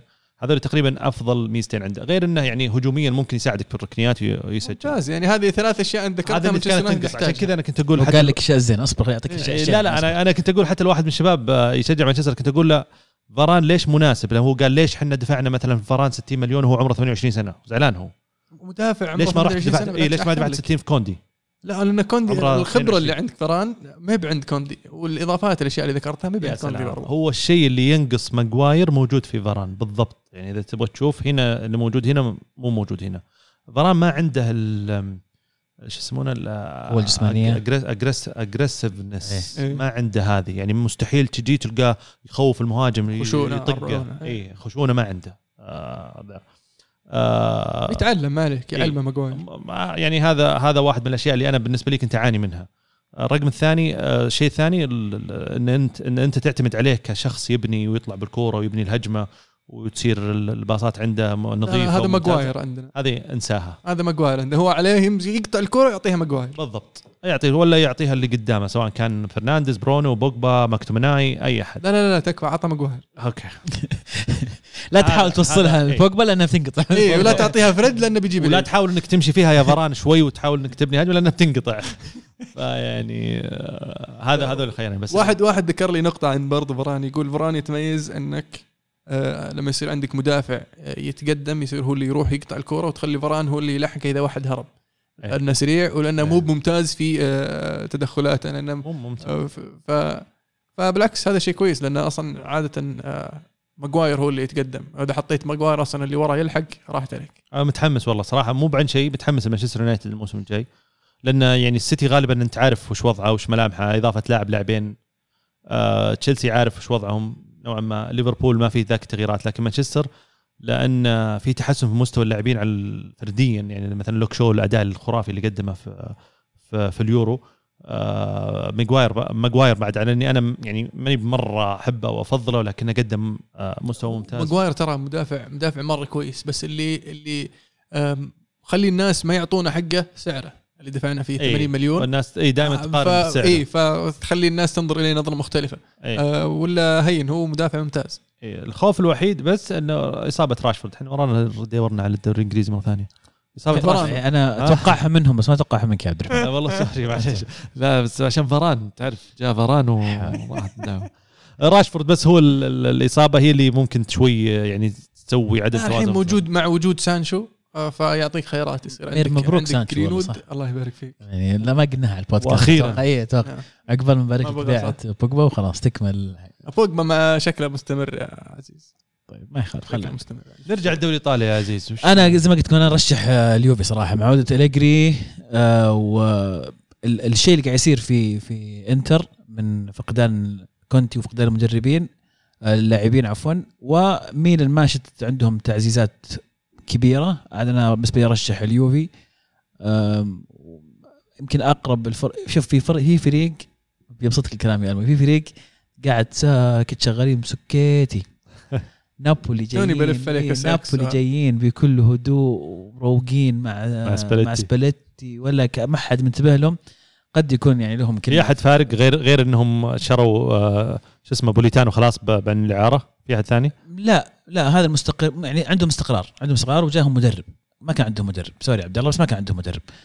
آه، لما أنا الآن أشعر نابولي ممكن يكون وما عليهم حتى ضغط ما في ضغط. والله يا أخي. كوليبالي يا أخي ليش مو ليش مثلا مانشستر يونايتد ما شاله؟ احاول احاول عندي كثير لكن آه، طلع إلى حاطين الآن. سعر إلى عالي الآن متمسك فيه؟ لا لا, لا, لا هو ما مرتاح في نابولي. و- وديلانتس يعني إذا تبغى تشتريه أدفع آه، 80 90 100 مليون يورو عرفت؟ فما حد بيدفع لك 100 مليون يورو. فالفكرة إني أصلا جاي أتسوق عندك عشانك أرخص من اللي عندي ولا أروح أشتري لي ماجواير ب 80 صفة المدربين حق الدوري الايطالي السنة الجاية استهبال مو بناقصهم إلا أنشيلوتي وكونتي ولا الباقي مورينيو في روما أليجري رجع يوفي آه، ساري مع شو اسمهم آه، لاتسيو. مع لاتسيو. بيولي مع الميلان يعني في الصراحة السنة الجاية لو سمحت لا تنسى سباليتي سباليتي فعلا يعني واحد من الأسماء المهمة يعني اللي فعلا السنة الجاية السنة الجاية الدوري. الايطالي كله بشكل عام. تشكيلة المدربين ترى يعني لا تستقلها. ممتازين كل المدربين الموجودين في كل ال post. وأنا أعتقد هذا اللي بيكون يعني منازلة تكتيكية الدوري الايطالي سيمون. إنزاجي بعد. ما ننسى سيمون إنزاجي. أنت صح. آه طيب آه وين تشوف آه نابولي مع سباليتي يا عزيز؟ المرة هذه top four عكس السنة الماضية. حلو. طيب top four مرتاح يعني ولا top four مع مداقش لا لا لا مداقش مداقش. آه أنا اللي اللي بيكون مفاجأة إن الإنتر ما راح يكون لا الأول ولا الثاني. حامل اللقب ما راح يكون لا الأول ولا الثاني ليش مفاجأة؟ لأنه حامل لقب. okay. بس يعني متوقع بعد اللي صاير الحين. ويعني مثلا تقعد مع أليجري في مؤتمر صحفي يقول لك المرشح طبعا حامل اللقب إنتر. إحنا- هذا هو المرشح يعني. أنا أكيد ترى- بيحط الضغط عليهم يسحبه منه. اي أنا أتفق معك عزيز إنه فعليا أحس الملامح الدوري الإيطالي يمكن هو أكثر دوري كذا شوي مو بواضح. ما تدري وش وش بيصير حتى على مستوى اللاعبين.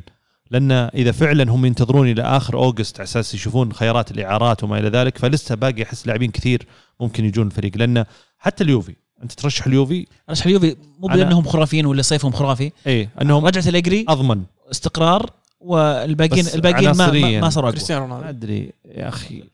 إيه. طيب آه top four قلنا يوفي number 1 okay. يوفي آه ميلان آه نابولي ولاتسيو واتلانتا طيب. لا مو لاتسيو إنتر. أتلانتا ما أدري. صعب. روما يا أخي روما ما أدري إيش يسوون روما صراحة روما مو باصين top four مالك إي مو. باصين مو باصين فوق. لا لا كمية سوء. يوفي ميلان. في نهايه السنة هذه الميلادية. لا أتوقع بداية. السنة الجاية. يعني إي مو ولا الموسم عرفت الجاي الموسم- قصدك؟ الموسم الجاي بداية السنة الموسم الجاي. okay. عرفت يعني January سنة 23 يوفي ميلان وإنتر ونابولي. خلاص هذا هذا. يوفي ميلان إنتر نابولي. يعني ما في آه، أتلانتا. ما في أتلانتا ما في لاتسيو. لأن الحين أتلانتا يقولون آه، ممكن يبيعون زباله الإنتر yes لما لوكاكو يطلع. وأحد الخيارات لهم اللي هو تامي أبراهام. يا أخي ما ينفعون الانجليزي برا إنجلترا معلش ما ليش؟ في إلا واحد نجح في الخمس سنين الأخيرة ولا الست سنين الأخيرة راحت لتي شو اسمه ذا؟ تريبيه تريبير. غيره سانشو يعني طيب. okay سانشو فعلا؟ يعني لو ترجع ورا تلقى جاسكوين يعني وتلقى تلقى مكمانامان وبيكهام وأنا عارف بس. ما عاد they don't make them like that anymore. لا بس الحين الحين امور مختلفة ترى انجلترا صار توجه مختلف لأن الإنجليز صاروا يلقون آه، فرص أكبر لما يطلعون برا الدوري الإنجليزي على أنهم آه، لما في داخل الدوري الإنجليزي. ليش تامي إبراهام بيترك الدوري الإنجليزي ويروح إيطاليا؟ آه، هذه ط- خليني أقول لك. هذه نقطة لقوها إيجابية الأندية الثانية في في أوروبا أنك تاخذ لاعب إنجليزي صغير وتلعبه معك وتربيه. بعدين بيجيك نادي إنجليزي وينق عليه. فشوف روح شوف ترى ترى في الدوري الهولندي تلقى لك كم لاعب إنجليزي صغير عمره 19 20 قاعدين يبدعون. تروح الدوري ال- الألماني تلقى لك كم واحد هناك. في الدوري الدوري الإيطالي ما بعد وصلوا مشكلتهم في. إنجلند لما يجلسون اللاعبين الانجليز إن الأندية الإنجليزية تستثمر مبالغ خرافية. فيعني قليل إنه بيعطيك أحد فرصة وأنت عمرك 17 18 يدخلك الفريق الأول ويلعبك وفعلا عندك فرص أخرى. لكن تامي ابراهام تحديدا عنده فرص بريمير ليج عنده فرص مع أندية بتلعبه بشكل أساسي. منها أرسنال يا شيخ منها ويست هام منها كثير أندية يبغونه. يعني أنا بالنسبة لي لو إني تامي ابراهام ما أعتقد بيكون جذاب بالنسبة لي موضوع الدوري الإيطالي. الشامبيونز ليج. مع اتلانتا تلعب في الشامبيونز ليج الأندية اللي. مهتمة فيه في إنجلترا ولا واحد فيهم في الشامبيونز ليج good point من ترشح عبد الله؟ آه، ما أتوقع بيطلع برضه اللي أنت قلتها لكن أنا أعتقد إن روما مع مورينيو بيكون شيء يعني entertaining to watch مو لأنه يعني طريقة لعبهم بتكون يعني جذابة بس لأن الصراحه يعني بالنسبة لي هي قنبلة موقوتة على وشك إنها تنفجر في أي لحظة. أصلا مورينيو على فكرة قبل يومين مباراة ودية لهم مباراة ودية تونا ما بدينا بسم الله الرحمن الرحيم داخل مق- مقتحم الملعب في نص المباراة أعطاه الحكم كرت أحمر. يا أبوي روق ترى ودية ما بدأ الموسم إيش بتسوي اذا جاء الموسم فعلا. آه زاكو يقولون طالع خلاص بيروح الإنتر. آه تسكو ولا زباتا ولا مين؟ اثنينهم أنا ما أتوقع عندك 100 130 مليون يعني تقدر تجيبهم اثنينهم وبأقل من 50 إيه. مليون سيميوني آم، انزاجي ما راح يسكت بقعد كذا بدون مهاجم السؤال. إذا طلع طلع زاكو مين مين بيجيبون ففي كلام عن إن اهتمام مورينيو بإيكاردي هل واقعية أن روما يوقع مع إيكاردي من آه، شو اسمه أنا أقول PSG ليش؟ ليش؟ لأن جيه ميسي لباريس سان جيرمان راح تقلل حظوظ إيكاردي مو إنه يلعب في مشاكل بين ميسي وإيكاردي أصلا.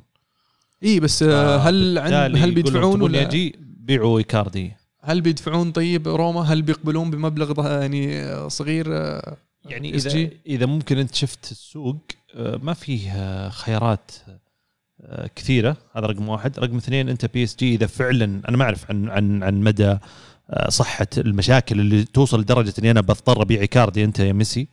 إذا فعلا آه، PSG أنا خلاص بسوي أي شيء عشان أرضي آه، آه، ميسي وأبيعه اعطونا اعطونا حلو عطنا توقعات لا طيب. ت- أصبر ترى عبد الله ترى سر في الموضوع خش بسالفة مورينيو ما أعطانا إيه،. دخلنا في جدار. تعال عليه الحين.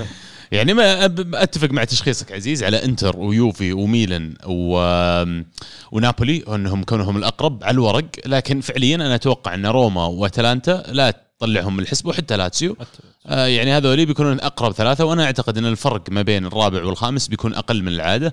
يمكن إذا بختار واحد من ال top four اللي قلتهم ما أتوقع يمكن ينتهي في ال top four قد يكون الإنتر مو عن شيء بس لأن الصدمة أصلا من خروجك من مشروع زي كذا وخروج اللاعبين الأساسيين حقينك الكبار من الفريق آه، قد يولد يعني رد فعل من الجمهور كمان. يعني ها- ها- هذا الشيء اللي أخشى على إنتر منه. البطل مين؟ البطل يعني أقرب شيء اليوفي. ومن منافسة؟ منافسة أعتقد راح يكون الميلان. بس يعني كلمة منافس هذه ترى flexible منافس إيه. مو يعني معاه نفس النقاط وكذا يعني الثاني يعني أتوقع. والله شوف كذا بيعتمد على الاستقطابات آه، عزيز. يعني صدق آه، أنا أشوف إن الإنتر ك يعني كونتي آه، بنى الفريق آه، ال- ال- ال- ال- اللي صار عنده ثقافة فوز. يعني أنت still عندك لسه هاندانوفيتش still عندك لسه آه، قلوب الدفاع still عندك لاعبين الوسط اللي قدموا مستوى خرافي بروزوفيتش وباريلا الموسم الماضي. آه، يعني المشكلة كانت في آه، بيع لوكاكو اللي الأفضل لاعب خلينا نقول الموسم الماضي. بس إذا أنت عززتها مثلا خلينا نقول خيار زباتا ما يمنع إنه زباتا يس- يسجل plus 15 هدف آه، في الموسم مع سيميوني إنزاجي اللي أنا يعجبني كمدرب. فما أحس ما أقدر أطلعهم برا ال top four أو برا المنافسة لأن على الورق فعليا وكعناصر وذا يعني أنتر يمكن شوي يتفوق على ميلان كذا سنة آه، بسيطة. يوفي بطل آه، انتر إذا جابوا آه، بدلة للناس اللي طلعوا ممتازين هم أقرب للمنافسة. أتفق معكم جميعا يعني لكن هي تعتمد التوقعات على نهاية إيش؟ صح. الصفقات فيعني بالضبط. آه، فممكن تتغير تشخيصاتنا عن عن ما هي حاليا عنها لا لا عن ما هي عليها الآن.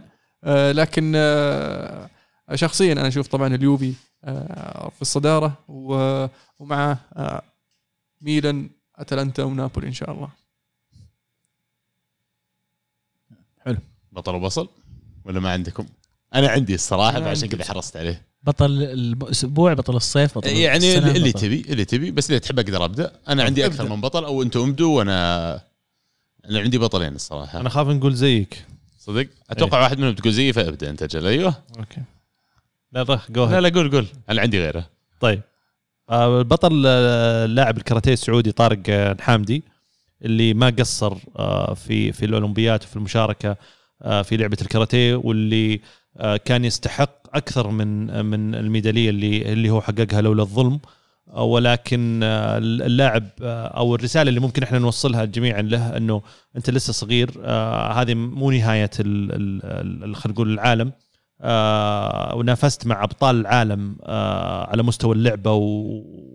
وعندهم خبرة أكبر وقدرت تجيب ميدالية فضية بينهم فهذا إنجاز كبير فمبروك. وهزم بطل أوروبا وبطل العالم على بطل فكرة. أوروبا وبطل العالم وبطل آسيا. هو بطل. العالم بطل آسيا. بطل العالم هو نفسه بطل إيه، آسيا الياباني. إيه. آه أوكي.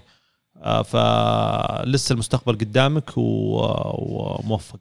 بس عزيز أنت قلت لي معلومة مهمة قبل الحلقة عن الكاراتيه في الأولمبياد. ال- الكاراتيه السنة هذه انضموها للاولمبياد بناء على الدولة المستضيفة اللي هي اليابان ولن تكون موجودة في آه، البطولة القادمة. ليش شم مو موجودة يعني؟ الدولة المستضيفة لها الحق إنها تختار لعبة تضيفها إلى الاولمبياد الكاراتيه ما هي من الألعاب الأولمبية.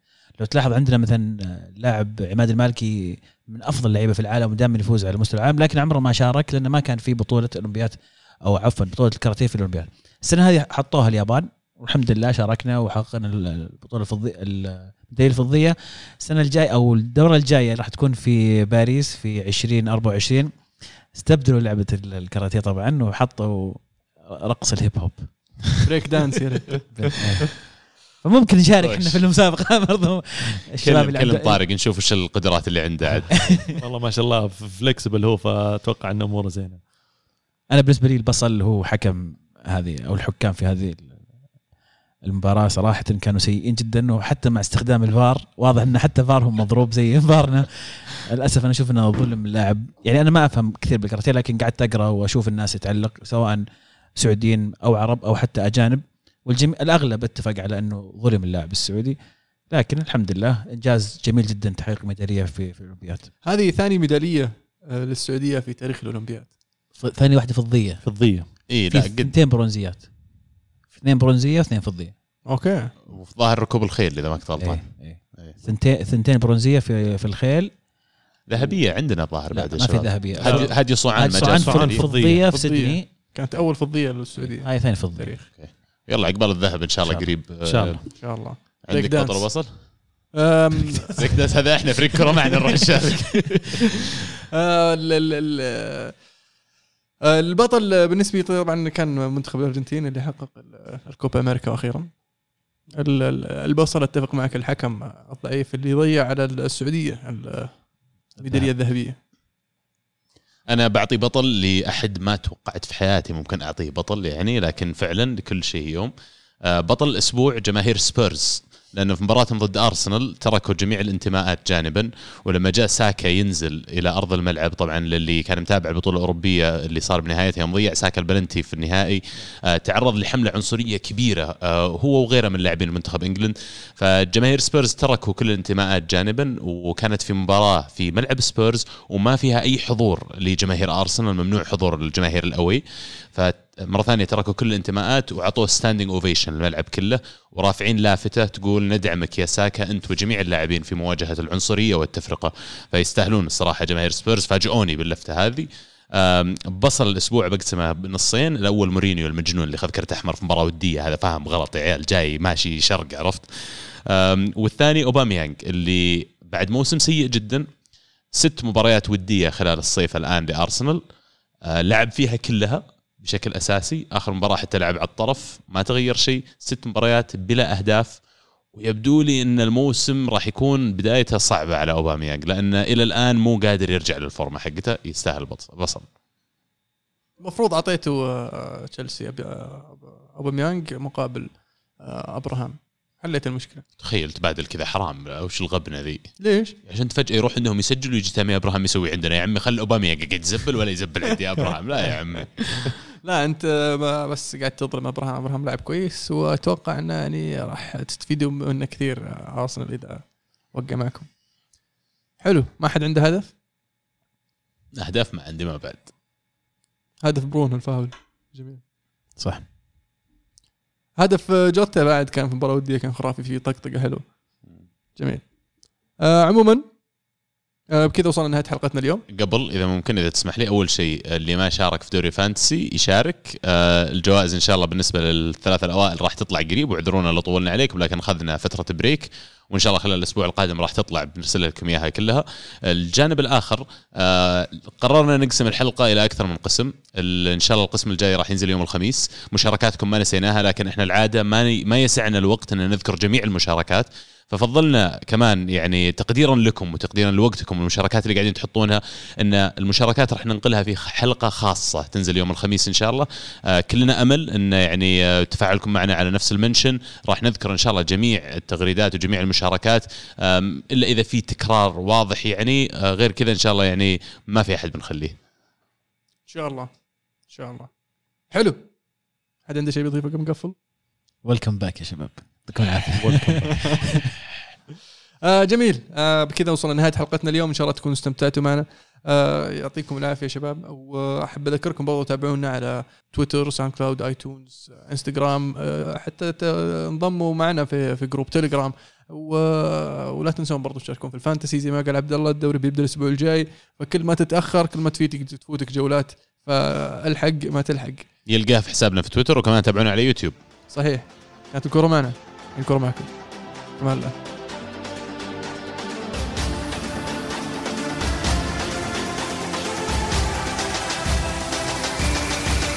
Everybody,